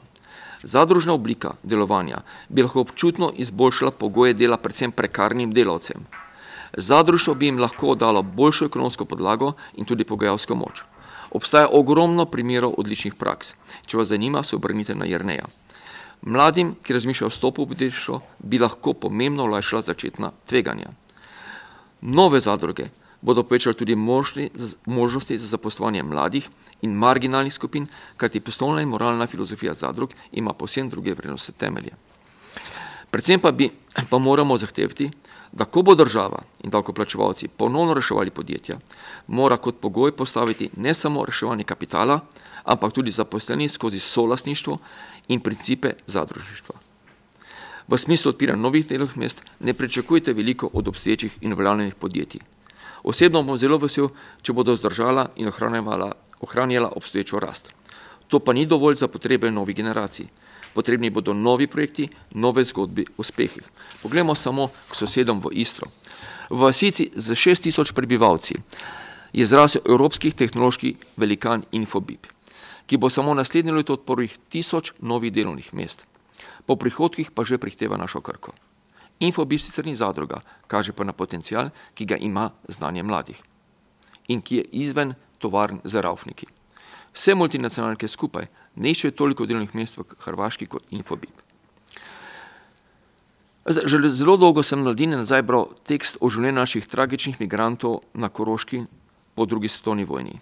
Tisto, kar se mi najbolj globoko vtisnilo spomin, je bil opis. Opis, kako so sredi travnikov, kamor so bili naseljeni in potisnjeni, iz nič zrasla polja, šole, bolnice in vsa samoskrba. Na osnovi lastnih izkušenj iz 19. stoletja, ter glede na trende v Evropi, je zadružništvo tista pot, ki lahko omogoči ohranjanje delovnih mest. Krepi demokratične in socialne temelje družbe in nas ohranja v ligi najboljših. V Sloveniji znamo ne samo stopiti skupaj, znamo biti najboljši v številnih panogah. Samo cilj si moramo postaviti in ustvariti projekt nacionalnega pomena. Hvala. Sandi, velika hvala, da si nas mogoče zbudil ali spodbudil, da spet na glas razmišljamo o zadružništvu. Mi dva sva imela že priložnost o tem govoriti, pa priznam, da mi je bila inspiracija tudi um, današnji prispevek. Sem videla in opazila, da je um, gospod uh, Gonza intenzivno na delih prikimaval, pa bom zato dala besedo, ker vem, da na Institutu za ekonomsko demokracijo verjamete, da različni modeli solasništva zaposlenih lahko naslovijo številne um, sodobne družbeno-ekonomske izzive. Zdaj, kako pa um, vi komentirate to nujnost, o kateri Sandi govori, um, da čimprej naredimo strategijo na področju razvoja zadružništva. Hvala.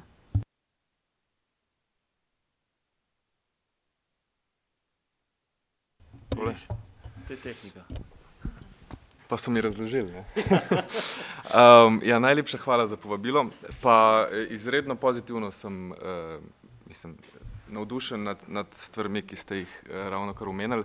Naš inštitut se ukvarja z zelo podobnimi temami in naprimer v času COVID-nih ukrepov oziroma državne intervencije podjetjem smo dali predlog politike, da bi se del te pomoči in nepovratne in povratne, vsaka na svoj način, ne, prestrukturirala v solasništvo zaposlenih preko sklada, ki bi dolgoročno to držal zasidrov med generacijami zaposlenih v podjetju.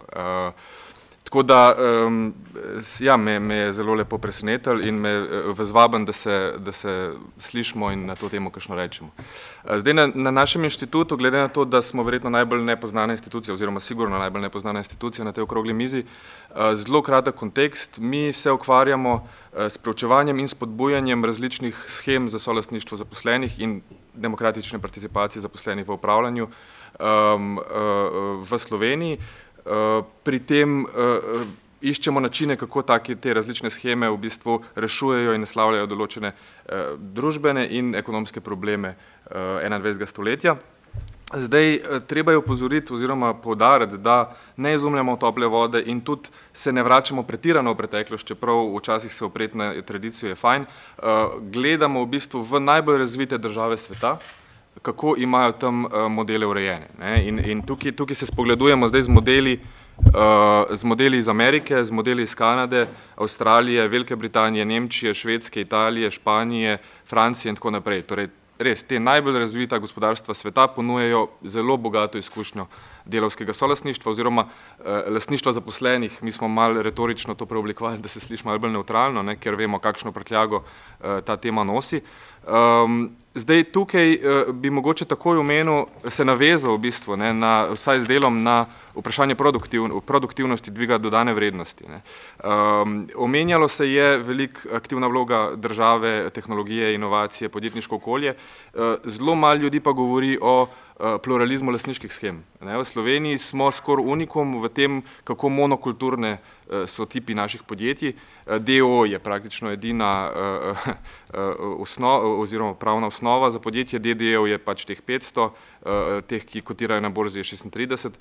V glavnem zelo smo monokulturni ne? in, in izkušnja iz tujine kaže, da pluralizem lasniških schem pripelje do dviga produktivnosti in dviga dodane vrednosti in tukaj bi mogoče usmeril uh, pozornost na raziskave, empirične raziskave, ki se ukvarjajo z vplivom solasništva zaposlenih na različne poslovne indikatorje, indikatorje poslovne uspešnosti in praktično konsens v literaturi obstaja, da uh, lasništvo zaposlenih uh, dviguje produktivnost, dviguje odpornost podjetij v času kriz, um, povečuje plače, povečuje premoženje uh, srednjega razreda, uh, uh, vodi v hitrejšo rast podjetij in tako naprej. Ne. Tako da to v bistvu hodi nasproti nekim uh, včasih ideološkim klišejem, da, uh, da lasništvo zaposlenih mogoče je pravično, ne, ne more pa biti visoko učinkovito. Ne. To je totalno misinformirana pozicija. Um, zdaj, tukaj na tem mestu bi se lahko tudi navezal na, na točko gospoda Ivanca uh, glede centrov odločanja. Ne, uh, uh, se popolnoma strinjam in tukaj bi dodal komplementarno strategijo. Ne. Treba je definirati nacionalni, nacionalni interes 2.0. Mi smo govorili, ko smo govorili o nacionalnem interesu v tej neslavni debati, je bila državno versus privatno. Ne. To ste tudi vi omenili na nek način. Eh, v bistvu je treba se vprašati, eh, če je že privatno, kakšno privatno. Eh, in mi spodbujamo na inštitutu različne scheme, ki zasidrajo lastništvo slovenskih podjetij dolgoročno med, med slovenskimi delavci. In, in, in to je, se mi zdi, zelo pomembna um, zelo pomembna tema, o kateri se ne govori veliko. Zdaj, mogoče bi zelo na kratko omenil en model, s katerim se ukvarjamo, za, za, za otip in povedal, kako se s tem ukvarjamo. Um, v Sloveniji uh, spodbujamo ESOP model, Employee Stock Ownership Plan, uh, ki smo ga prenesli iz Amerike. ESOP model naslavlja en zelo pomemben Eh, družbeni problem in ekonomski problem, o katerem pa predvsem v Sloveniji v javnosti in v medijih in tudi v politiki zelo, zelo malo govorimo. To je problem lastniškega nasledstva. Eh, zdaj, problem lastniškega nasledstva Evropska komisija postavlja na prvo mesto seznama težav oziroma izzivov za sektor malih srednjih podjetij. V Sloveniji ta sektor predstavlja 70%, približno 70% vseh zaposlitev v privatnem sektorju in to je ključen sektor, seveda hrbtenica slovenskega gospodarstva uh, in vsa ta podjetja se bodo prej ali slej primorana soočati z vprašanjem, kaj narediti z lastništvom. Ne, tukaj je skupina, mehna skupina lastnikov ali en lastnik, ki se upokojuje, ki gre iz podjetja in uh to družinsko nasledstvo mislim, da pride v poštev po naših raziskavah v manj kot 10% primerov. Uh, trg za mala in srednja podjetja je totalno nerazvit uh, v Sloveniji. Um, tudi je vprašanje, kaj se zgodi, če nek tuj konkurent ali pa investicijski sklad pride in kupi neka srednja mala podjetja. Ne vemo, kaj bi se zgodilo naprimer z domelom, če se ne bi zavaroval z delovskim prevzemom v 96. pred američani, ne, a bi bilo to podjetje tako, kot je danes v železnikih. Tako da ESO po bistvu naslavlja, ponuja dodatno orodje lasniškega nasledstva, v Ameriki ga imenujejo za ultimativno orodje nasledstva, tako da očitno že neki prav delajo. Uh, sedem tisoč podjetij v Ameriki obstaja s tem, s tem skladom, s temi, s temi skladi, skladi za solastništvo zaposlenih, 14 milijonov ljudi zaposlujejo ta ESO podjetja, torej to ni margina, to je 10 odstotkov zaposlitev v privatnem sektorju, to je velika stvar. In mi smo ga prilagodili uh, za slovensko kulturno in zakonsko uh, okolje, um, in ga napisali v zakon, uh, že nekaj časa nazaj, zdaj smo v, v politični komunikaciji glede tega. Prav tako smo pa v uh, pilotni fazi, delamo z gospodarstvom, velik podarka na inštitutu je, da delamo s slovenskimi podjetji, ki si želijo implementacije prestrukturiranja v smer solasništva zaposlenih. Do konca leta 2021 pričakujemo, da bojo tri, štiri podjetja prestrukturirana v delno solas zaposlenih, torej ta ESOP model je zanimiv, ker omogoča ta mehek prehod, lahko začneš desetimi procenti, s petimi procenti in nadaljuješ vse do sto procentov delnic oziroma deleža. Um, seveda pa v bistvu pričakujemo v nadaljevanju, da bo se ta v diseminaciji, v fazi diseminacije in zakonom, ki bi reguliral model in ga davčno olajšal, da, da, da je potencial za porast solasništva zaposlenih prek ESOH scheme zelo velik. Zadnja stvar, ki bi omenil, je še nov zakon, drugi zakon, ki ga, drugi model, ki ga pripravljamo, je model, ki naslavlja točno ta problem, ki ga je gospod Češko izpostavil, problem tujega lasništva, neodgovornega tujega lasništva, ga jaz imenujem lasništvo, torej, ki ko vidi višji donos v drugačnem poslovnem okolju, v državi, kjer ima cenejšo delovno silo, niže davke in tako naprej, zelo hitro gre, tudi če je podjetje dobičkonosno. Ne. Treves, par, par podjetij je bilo zdaj v kratkem kot, kot primer in tukaj to zelo dobro rešuje dobra praksa iz Italije in Španije, Marcora v Italiji, Pago Unicolo v Španiji, kjer delavci, ki v teh primerih pridejo ne, v socialo, postanejo nadomestila za brezposelnost, v bistvu imajo možnost, da kolektivno dobijo v naprej izplačana nadomestila za brezposelnost, ki jim pripadajo. Ga, ta, ta denar uporabijo kot zagonska sredstva, za podjetje odkupijo kapitalska sredstva, naprimer tehnologijo in s pomočjo podporne službe in institucij, to mora tudi obstajati, podporno okolje, naredijo nova, nove poslovne zgodbe. In to je čudovita praksa, ki je zelo uspešna v Italiji in Španiji. Naprimer, tudi s tem modelom se ukvarjamo, tudi za platforme delamo solastniške scheme in tako naprej. No, da ne bom predolgo govoril, v glavnem veliko, zelo plodna so ta tla in upam, da bo veliko politične volje za neke rešitve na tem področju.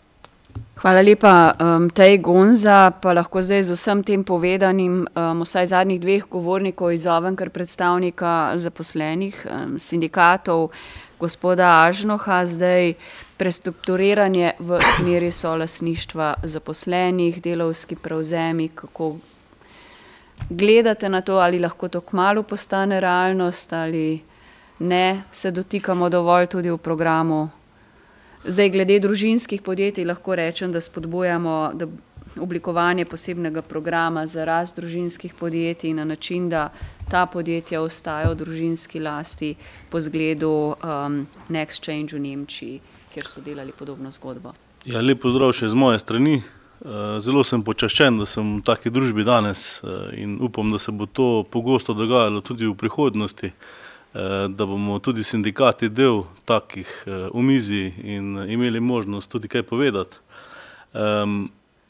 To, da samega dialoga ni, zakaj sem to začel, eh, je tudi za moje pojme en dokaz, da že od leta 2006 ne obstaja kolektivna pogodba za gospodarstvo. To pomeni, da se sindikati in vsi deležniki, ki so zraven, pač ne usedajo za isto mizo in ne izborijo in izpogajajo Eh, zadev, ki bi se tikale vsega v gospodarstvu na enoten način. Eh, kar se tiče družinskih podjetij, soda, oziroma eh, podjetij v solastništvu delavcev, zagotovo vsak, ki je del nečesa podjetja in se čuti pripaden in s tem lahko pospešuje samo rast podjetja, kot tudi svojo osebno rast in boljši, boljšo stanje svoje družine in sebe in vsega.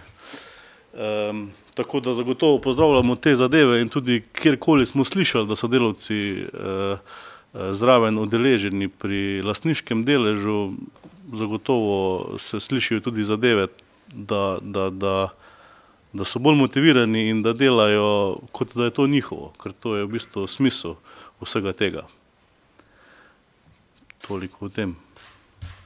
Drugače pa.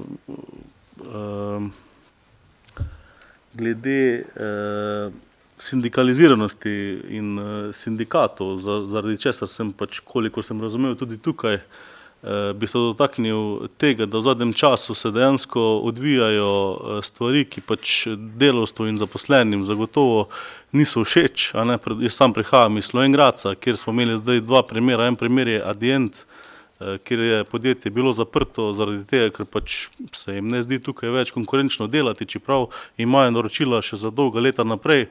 Drugi primer pa je dan AFC, kjer pač zdaj sta tu, tu, tu pač vidim in na kaj bi rad upozoril, je, je to, da v Adientu so bili delavci kar v velikem procentu sindikalizirani in je tudi sindikat imel moč, da si je izboril boljše pogoje in boljše odpravnine in tudi pač ta odpuščanja so bila na blažji način narejena, medtem ko v tem trenutku se dogaja, v, mislim, da jutri ali pojutrišnjem pa bo Eh, dan JFC v Slovengracu odpustil vseh, eh, vse delavce naenkrat, ki jih je imel predvidene v samem eh, programu odpuščanja, torej 100 delavcev bo v trenutku odpuščenih sindikati, tam nismo bili dovolj zastopani in tudi nismo imeli možnosti hudo kaj vplivati in tudi na vse, kar smo upozarjali, načeloma večina stvari ni bila sprejetih.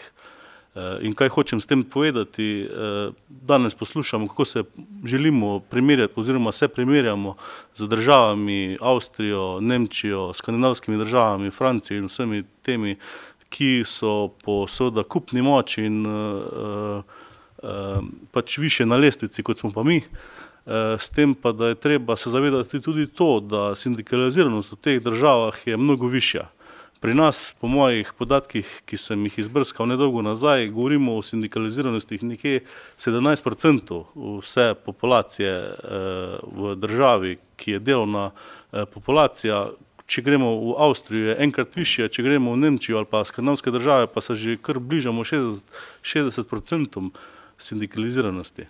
In, eh, in z tega vidika, če danes sedimo tukaj z predstavnikom gospodarske zbornice in obrtniške zbornice, Eh, ti dve organizaciji sta pač delovski ali pa podjetniški organizaciji, ki se borita za svoje interese in prav je tako.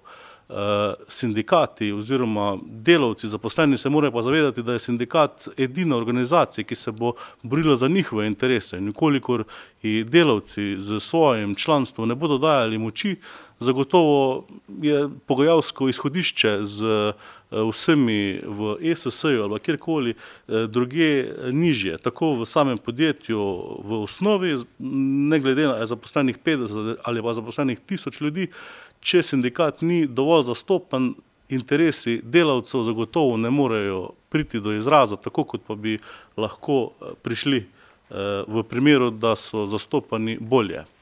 Včasih se tudi eh, navezujemo na bivšo državo, kjer je pač sindikalizem bil na izjemno visokem nivoju, in tudi delovske pravice temu primerno uh, bolje zastopane. Danes pač v zadnjih 30 letih pač lahko opažamo, da z leta v leto je več uh, uh, teh pravic, ki je bilo že zdavno priborjenih, uh, pač usiha, uh, se spreminjajo in ugašajo.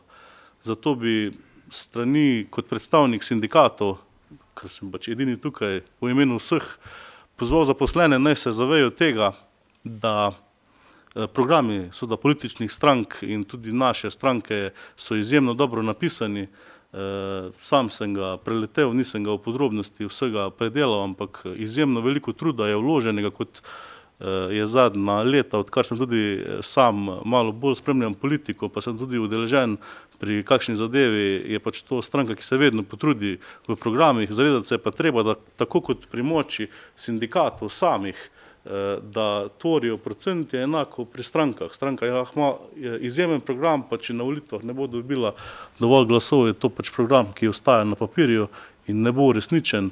Uh, upam, da bo ta program uresničen in tudi zadnje čase pač tudi spremljam po medijih, da naši stranki gre dobro na poti do uspeha in upam, da, bo, da bojo ti, te smernice in ti, te zadeve dejansko se uresničile, da, da, da bomo imeli priložnost videti uresničen program te stranke, ker pač smo slišali, da je program dober, tudi sam se s tem strinjam.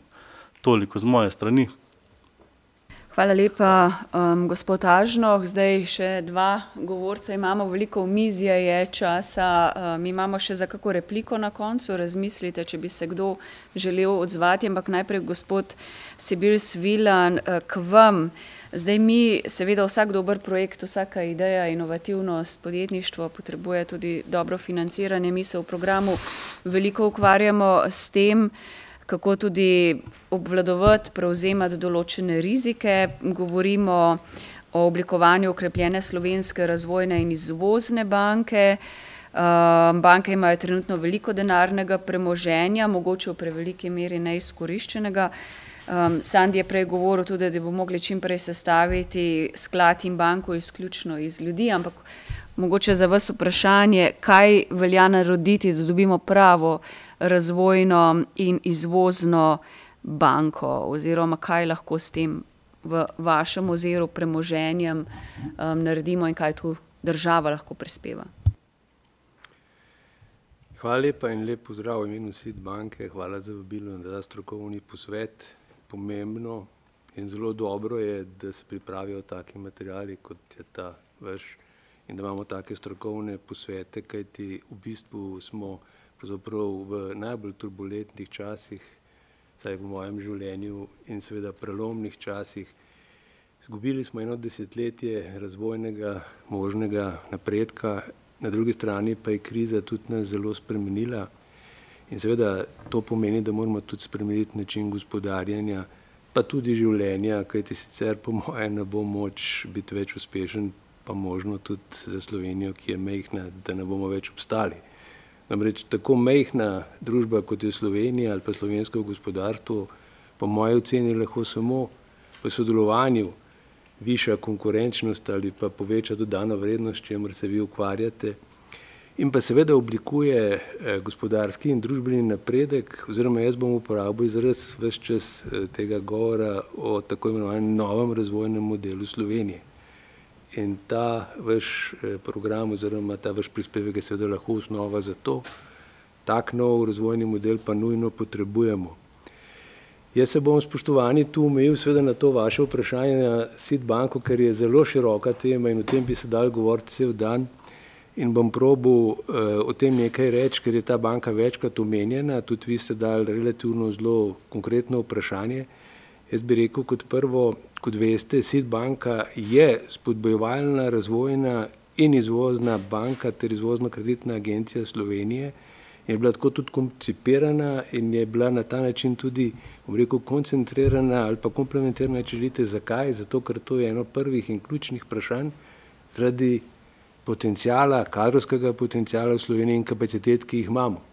Namreč za vse to, kar tudi vi navajate v programu, je potrebno imeti ustrezne ljudi, ki znajo in kot veste, vse se navadno začne in konča pri temu in pa pri denarju, ki je za to potreben.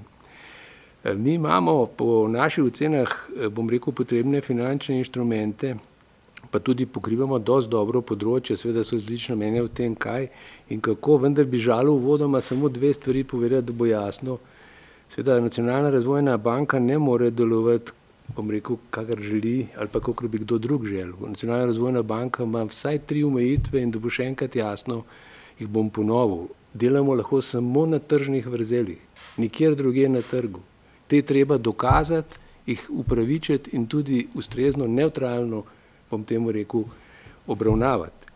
Drugo, kar je še bolj pomembno, banka tega tipa je banka drugega tira, in zavarovalnice drugega tira. Zaprav ne smemo delovati tam, kjer delujejo poslovne banke in te imajo danes ogromne možnosti.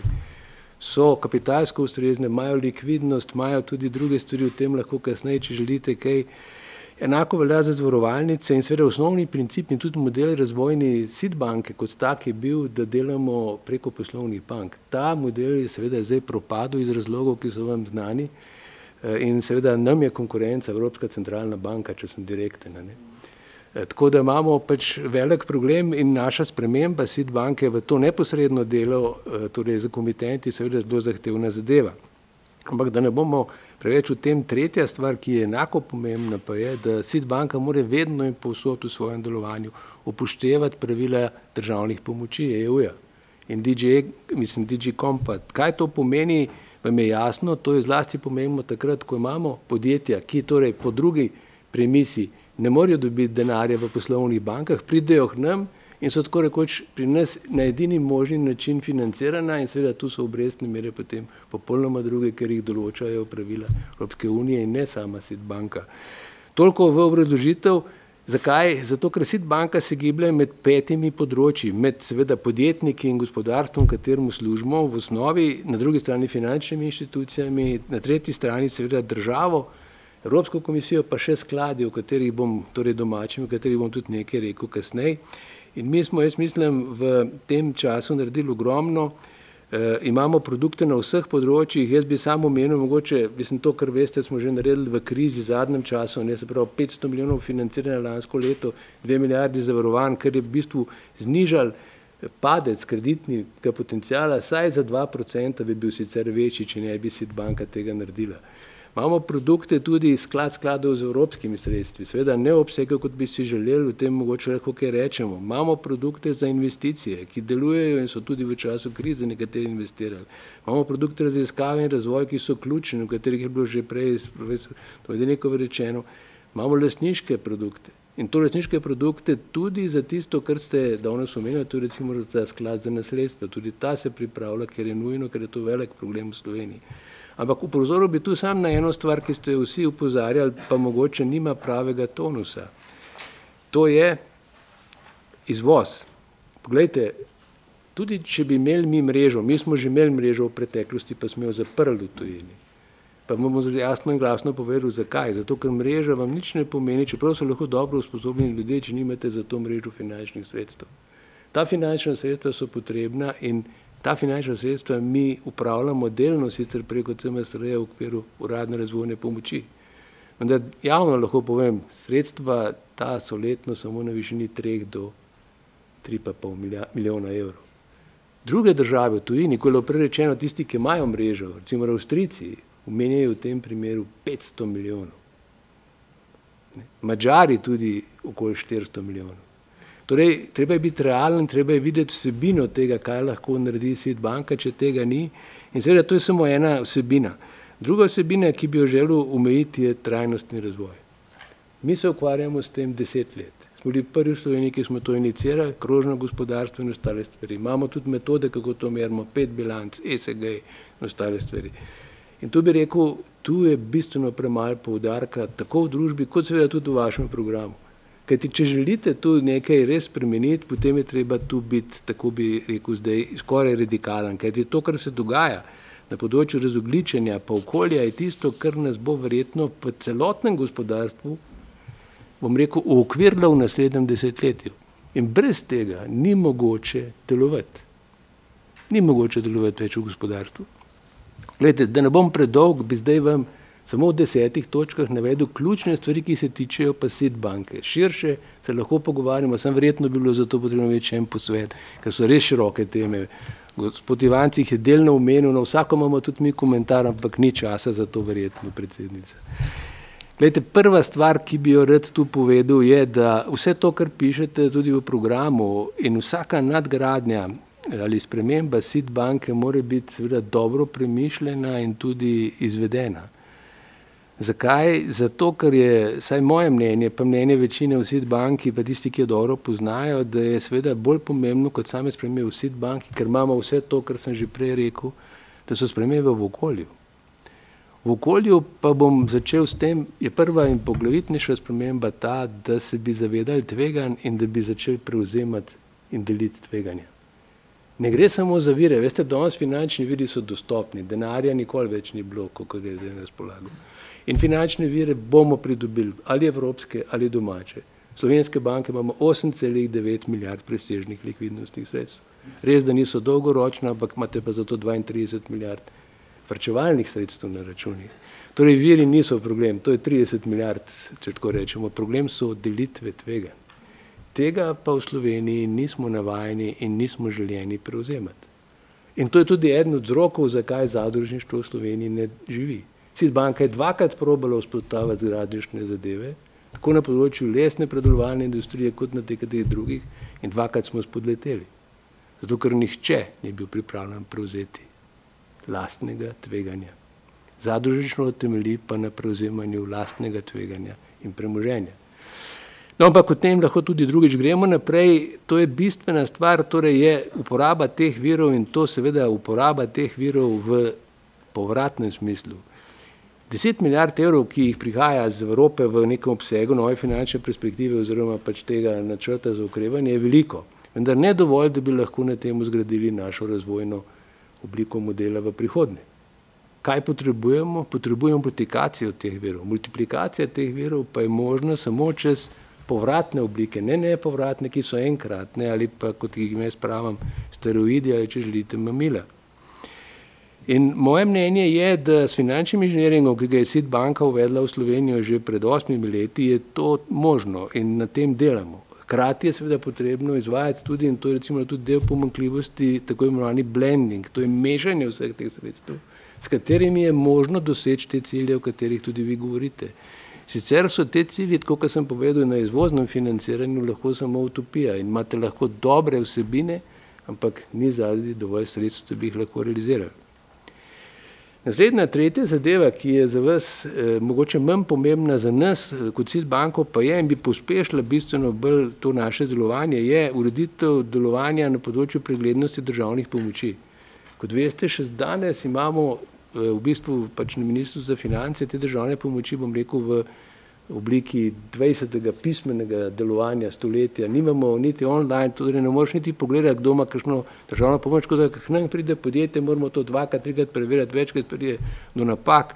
To je mehna zadeva, ampak je ena taka stvar, ki bo veliko spremenila, ker na ta način se podjetja lahko bojo tako lahko odzvala, zlasti mehna, ki nikakor sama ne morejo preračunavati te pomoči in to lahko kolegi iz obrtne zbornice pritrdijo, ker smo se že večkrat o tem pogovarjali. In naslednja stvar, ki je pa ključna za kakršno koli razvojno usmeritev so investicije. Investicije, namreč kot smo rekli, v Sloveniji več prihranimo, kot investiramo, tako kot milijardo pa pol letno in to prihranki tako posameznikov, kot podjetij, kot bank, a ne, da smo si na jasnem. Kaj to pomeni? To pomeni, da nimamo nobenih realnih možnosti pit v smislu tega, kar je vaš program predvidel kajti mi bi mogli imeti obratno razmerje. Mi bi mogli več investirati glede na zaostanke, glede na zaostanke produktivnosti, to je tudi v programu, ki smo ga res dolgo obdelavali in mislim zelo kvalitetno, zelo jasno pokazano, brez teh investicij ni. In kaj je tu problem? Manjkajo ustrezni investicijski projekti. Če so, so nedodelani, niso pripravljeni. In tu so problemi lahko tako od gradbenih dovoljenj, kot seveda do ključnega, tako imenovanega developerja, ki bi to zadevo izpeljal. In tu se bomo omejili na naslednjo točko, to je načrt ukrivanja in odpornost. Sid banka je tu predlagala za milijardo projektov, ki bi jih bilo treba narediti. Samo en projekt, ki je zelo nujen, a ne recimo financiranje Luke Koper. Za primerjavo, Luka Trz dobi iz načrta ukrivanja za odpornost italijanskega dela 450 milijonov evrov. Koliko dobi Luka Koper? Si odgovorite sami. Naš načrt za ukrivanje odpornost ni uspel Ni ga potrdil niti naš nadzorni svet, niti država in v tem kontekstu seveda imamo drugačno situacijo. Ampak seveda ne bi želel biti destruktiven, hotel bi sam povedati za prehod na razogličenje ali pa če želimo tudi ta popularni digitalni del, je potrebno, da se prihodna gospodarska struktura investira bistveno več kot pretekla gospodarska struktura. In to je recimo ena pomankljivost, o kateri tudi vi govorite, tu treba pre, oblikovati vsebino investiranja v prihodnost. Zdaj pa še nekaj konkretnih predlogov, ki so vezani na sprva in konkretna, zelo težka zadeva je nekoordinirano nastopanje ministrstva. Vi imate različne poglede med ministrstvom za finance, ministrstvom za gospodarstvo, svrkom, pa še kom, ministrstvom za okolje, ko govorimo o skupnih ukrepih. Mi se včasih, vam povem konkretno, v tem zgubimo. Ali pa ne moremo narediti tisto, kar bi želeli. Jaz mislim, da je to ena nujnih zadev, ki bi jih mogel vaš program se dotakniti. Učinkovitost delovanja državne uprave in ministrstva na tem področju je predpogoj kakršen koli delovanja. Naslednja zadeva pa je seveda tudi učinkovitost na naši strani.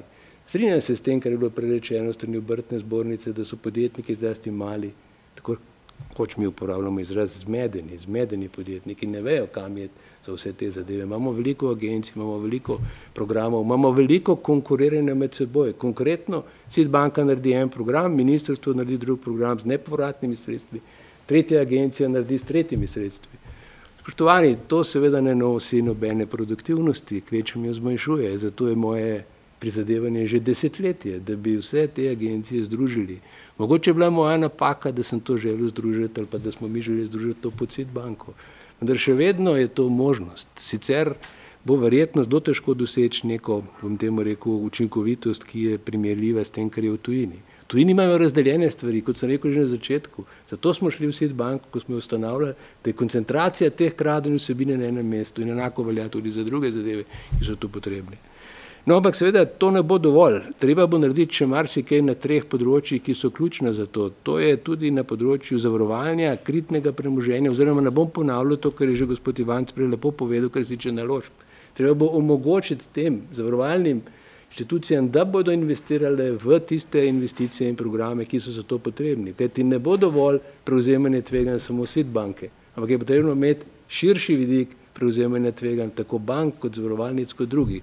In ne na zadnje je potrebno narediti tudi bistvene korake na trgu kapitala. Samo trg kapitala lahko privabi tudi te vrčevalne sredstve posameznikov in na trgu kapitala, kjer SID banka dela razne katalizatorske vsebine, izdali smo obveznice, ki jih pač potem, ali pa kupujemo tudi obveznice, izdali smo prvi zeleno obveznico ne, za to. Ampak to je premalo, treba narediti bistveno hitrejše korake in jaz sem pripričan, da je to tisto, kar bo lahko omogočilo tisti razvojni preboj, o katerem vi govorite. Zaključil bi ta del z eno premiso, ki pa ni direktno vezana na SID banko, ampak jo opažamo vse čas kot eden glavnih problemov. Namreč spremembe na povezovanju gospodarstva z raziskovalnimi inštituti, kot je bilo že omenjeno, pa tudi z univerzo, so tiste, ki so nujne, če želimo jeti v te smeri, kot jih mi nakazujete brez teh sprememb, po naših izkušnjah, ni bo mogoče tega dela. In če gremo naprej, to pomeni seveda tudi spremembo šolstva. Vendar o tem ne bi govoril, ker že več predolgo, jaz bi rekel, če ne bo tega, bomo imeli še naprej latentno brezposlenost. In to imamo predvsem na področju mladih. In bodite realni. Če zaključim, če dovolite, ker vem, da je premalo časa, samo pet zadev. Namreč Sid banka je na podlagi izkušenj, jasne predstave, kako delamo in deset let je obdobje, v katerem smo na podlagi teh izkušenj marsikaj naredili, marsikaj tudi nismo in tudi včasih je kritika upravičena, ampak vemo, da je eden najpomembnejših odgovorov ali pa osnova za to nov razvojni model, s katerim bi se poenotili za to desetletje, o katerem vi govorite. Če ta nov razvojni model ni jasen tistim, ki bodo tudi SID banki, ne more biti jasno, kako deluje. In ta razvojni model je treba temeljiti na dveh predpostavkah prva predpostavka, da ne bo več subvencij oziroma da se bo pak stabilnosti in rasti zaustril do neke mere, kot je, prej bilo že povedano, tudi ustavi imamo to. In če nimamo subvencij, če nimamo mamil in če nimamo na drugi strani steroidov, potem je to druga situacija. Predstavljate si, kakšna je bila situacija danes brez tega. In druga stvar, o kateri je ključno govoriti, je, da pride do delitve tega. Če ne bomo prevzeli delitve tega, ne bo ne zadružništva, ne drugih projektov. Naslednja stvar, ločitev politike od tistega, kar je izvajalska funkcija.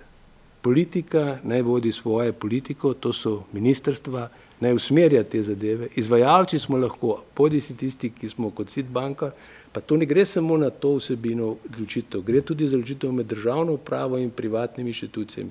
Kajti, če želite imeti strokovnjake, prave strokovnjake, jih boste edino dobili v privatnih inštitucijah. In to je bil tudi namen SID banke. Mi nismo sestavni del države. In tako je seveda treba razdeliti med izvajalci, politiko in pa kontrolo, ki mora biti pa bistveno bolj striktna v tem smislu. In to je usmeritev tudi za vaš program. In na zadnje, SID banka ne more biti nek podaljšan proračun Republike Slovenije. SID banka more biti in more ostati, tako kot je neodvisna bančna inštitucija, ki deluje dolgoročno. In to v skladu z mandati več vlad, oziroma v skladu s tem preomenjenim, jaz bom rekel temu, nacionalnim novim razvojnim programom Slovenije, s katerim bi se to delalo, bom rekel v tem smislu, kot delajo to druge države. In seveda na tistih vrzeljih, ki se bodo še pojavljale v prihodnosti in spoštovani, te vrzeli lahko pokrijemo samo v sodelovanju z drugimi bankami, z državo in ostalimi. In v tem smislu neke nove agencije za razvoj ni potrebno vključevati v to, kajti to pomeni povečanje birokratizacije, na mesto učinkovitost. In če smo konkretni, lahko taka agencija se tudi nekako pridružuje tistim drugim v okviru SID banke, ki bi bil v smislu tega tretji stebr, vi govorite o tako imenovanem nekem drugačnem demografskem skladu, govorite o nekem upravljanju premoženja in seveda tretji stebr tega razvojnega modela, ki bi bil, bi bilo financiranje preko SID banke, s katero pač mislim, da je dovolj in potrebno. In zaključim s tem, da trajnost in tako imenovani ESG, s katerim se danes vsi srečujemo, so samo kompas. Dejstvo je, da so okoljska tveganja in tveganja tega dela tudi tveganja investiranja, kateri so osnova za ta program. In ta tveganja niso samo eksistenčna. Kaj to pomeni? To pomeni, da je treba kristalizirati ta tveganja do te mere, da vemo, kaj so dejansko tisti glavni problemi, ki bodo nastopili po pandemiji. O tem je že gospod Ivanc govoril in jaz bi tu sam dodal, če želimo biti v 21. stoletju, Slovenija žal po mentaliteti še ni. Ker je kriza nas spremenila, moramo spremeniti tudi naš mentalni model. Poštovani, če ne bomo tega ustrezno naslovili, bomo imeli regresijo, ne progresijo. Hvala, ker ste me poslušali. Hvala, gospod Sviban. Moram reči, da je bil res odličen in izčrpen prispevek. Um, mi je žal, da moram mal brem za debato, ker smo že preko časa. Pa bom zdaj um, se vrnila nazaj v politično realnost, pa dala težko nalogo. Eh, Matjažu Hanu, eh, vodi naše poslanske skupine, iz vsega slišanega, povedanega, z vseh ambicij, vizij, idej, kako je mogoče to skozi politično realnost, bomo sposobni to speljati, pa glede na to, da ta teden še proračun sprejemamo, mogoče še kak komentar na vse. Predlagam, da na tej točki potem, če bo kakšna replika, kdo še kaj doda, sicer pa so možne izmenjave tudi po posvetu ali pa pisni prispevki dobrodošli. Matjaš, izvoli. Hvala lepa, Tanja. Lepo zdrav vsem skupaj. Bom bil zelo kratek. Če sem prihajal sem na ta pogovor, bom rekel, malo bolj zaskrbljen. Moram reči, da po tem pogovoru sem optimističen. Bom povedal, zakaj. E, najprej bi vendarle rekel, da upam, da takih pogovorov bo v Sloveniji če dalje več, da bomo za takšnimi okroglimi mizi, mizami sedeli vsi tako imenovani odločevalci v državi, vse inštitucije, ki bomo skupaj našli nek družbeni dogovor, kam želimo to Slovenijo pripeljati uh, v naslednjih parih letih. Ne. Ta COVID, ki se nas je zarezal v življenje, ne, da ne bo ta floskola, ampak mogoče je celo zadnja priložnost za Slovenijo, da naredimo nekaj, nekaj novega, poleg vseh žrtv, ki bojo zaradi stanja v državi nastale. Zdaj, če čemo imeti družbeni dogovor, se pravi, se moramo najprej, najprej v neki vsebini dogovoriti, kam želimo iti, potem pa resnično kot politika, kot gospodarstvo, kot sindikati dogovoriti, kako bomo odločitve sprejemali v tej državi.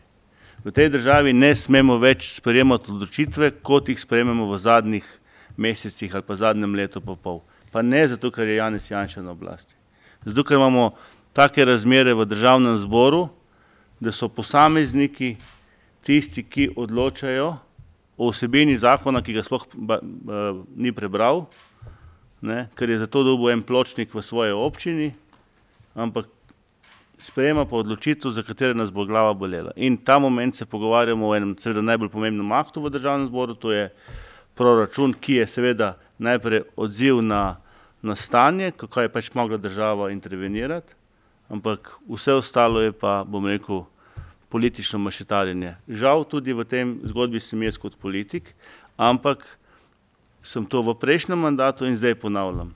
Štiri mesece pred volitvami, dragi moji, lahko naredimo še toliko škode zaradi tega tako imenovanega vešečega parlamenta, da mogoče vse ideje, ki ste jih danes tlele povedali, ne bo moče realizirati tega mene kot enega realnega politika uh, neizmerno, neizmerno strah.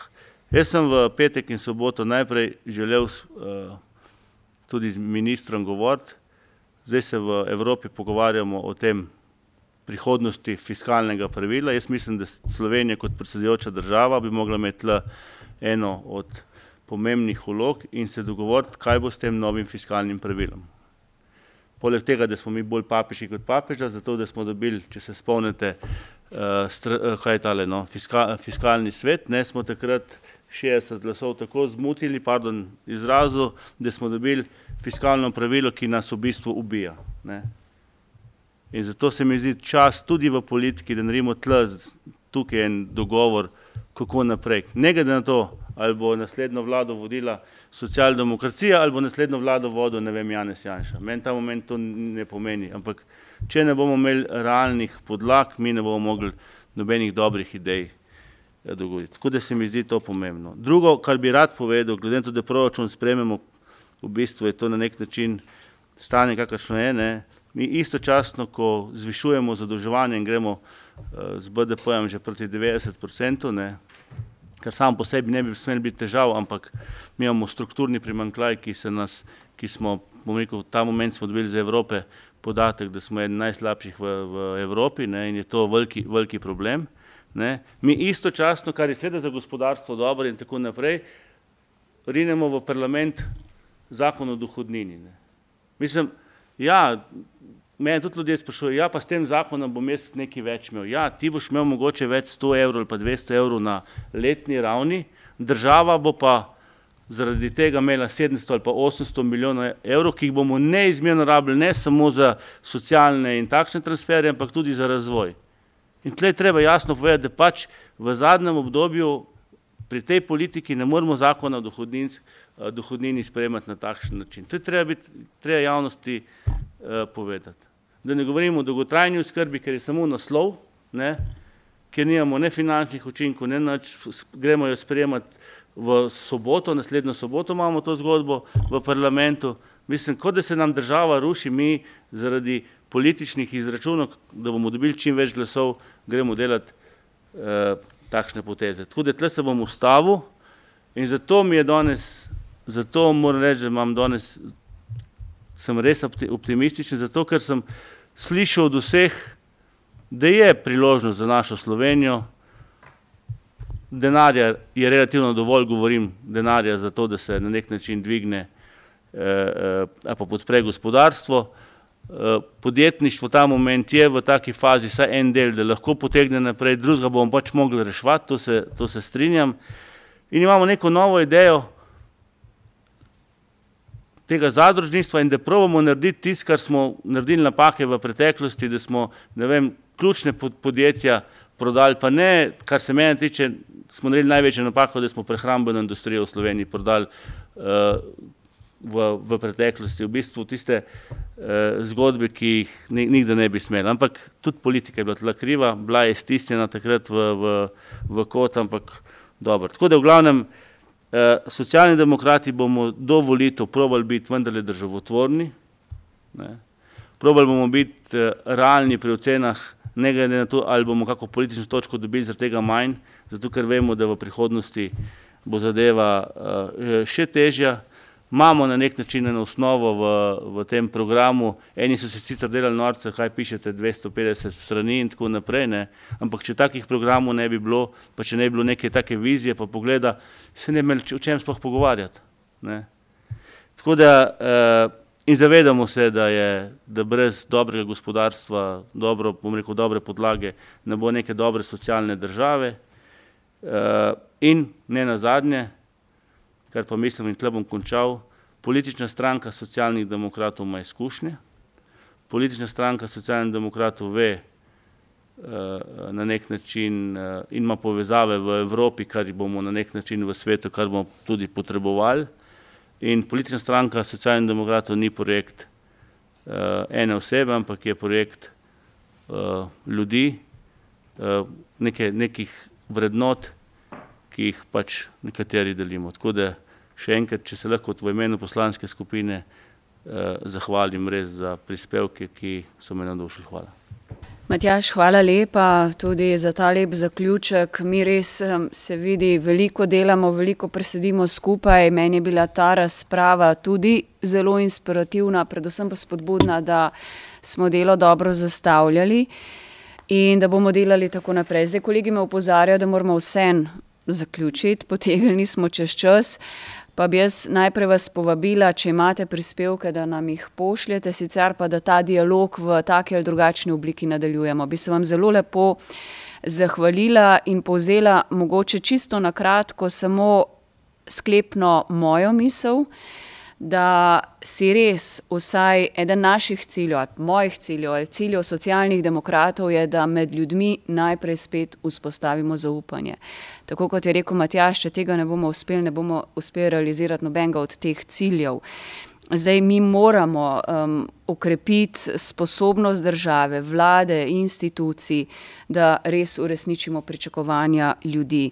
Um, moramo jim zagotoviti varnost v vseh življenjskih obdobjih in okoliščinah in mogoče, če za konec rečem samo, Slovenija se naglo spreminja, svet se naglo spreminja, pred nami so mogoče nepričakovana tveganja, treba se bo bistveno hitreje prilagajati, ampak naš cilj je ambiciozen in če je Sandi prej rekel, jaz podpišem ambiciozen, da želimo Slovenijo uvrstiti med najboljše države na svetu.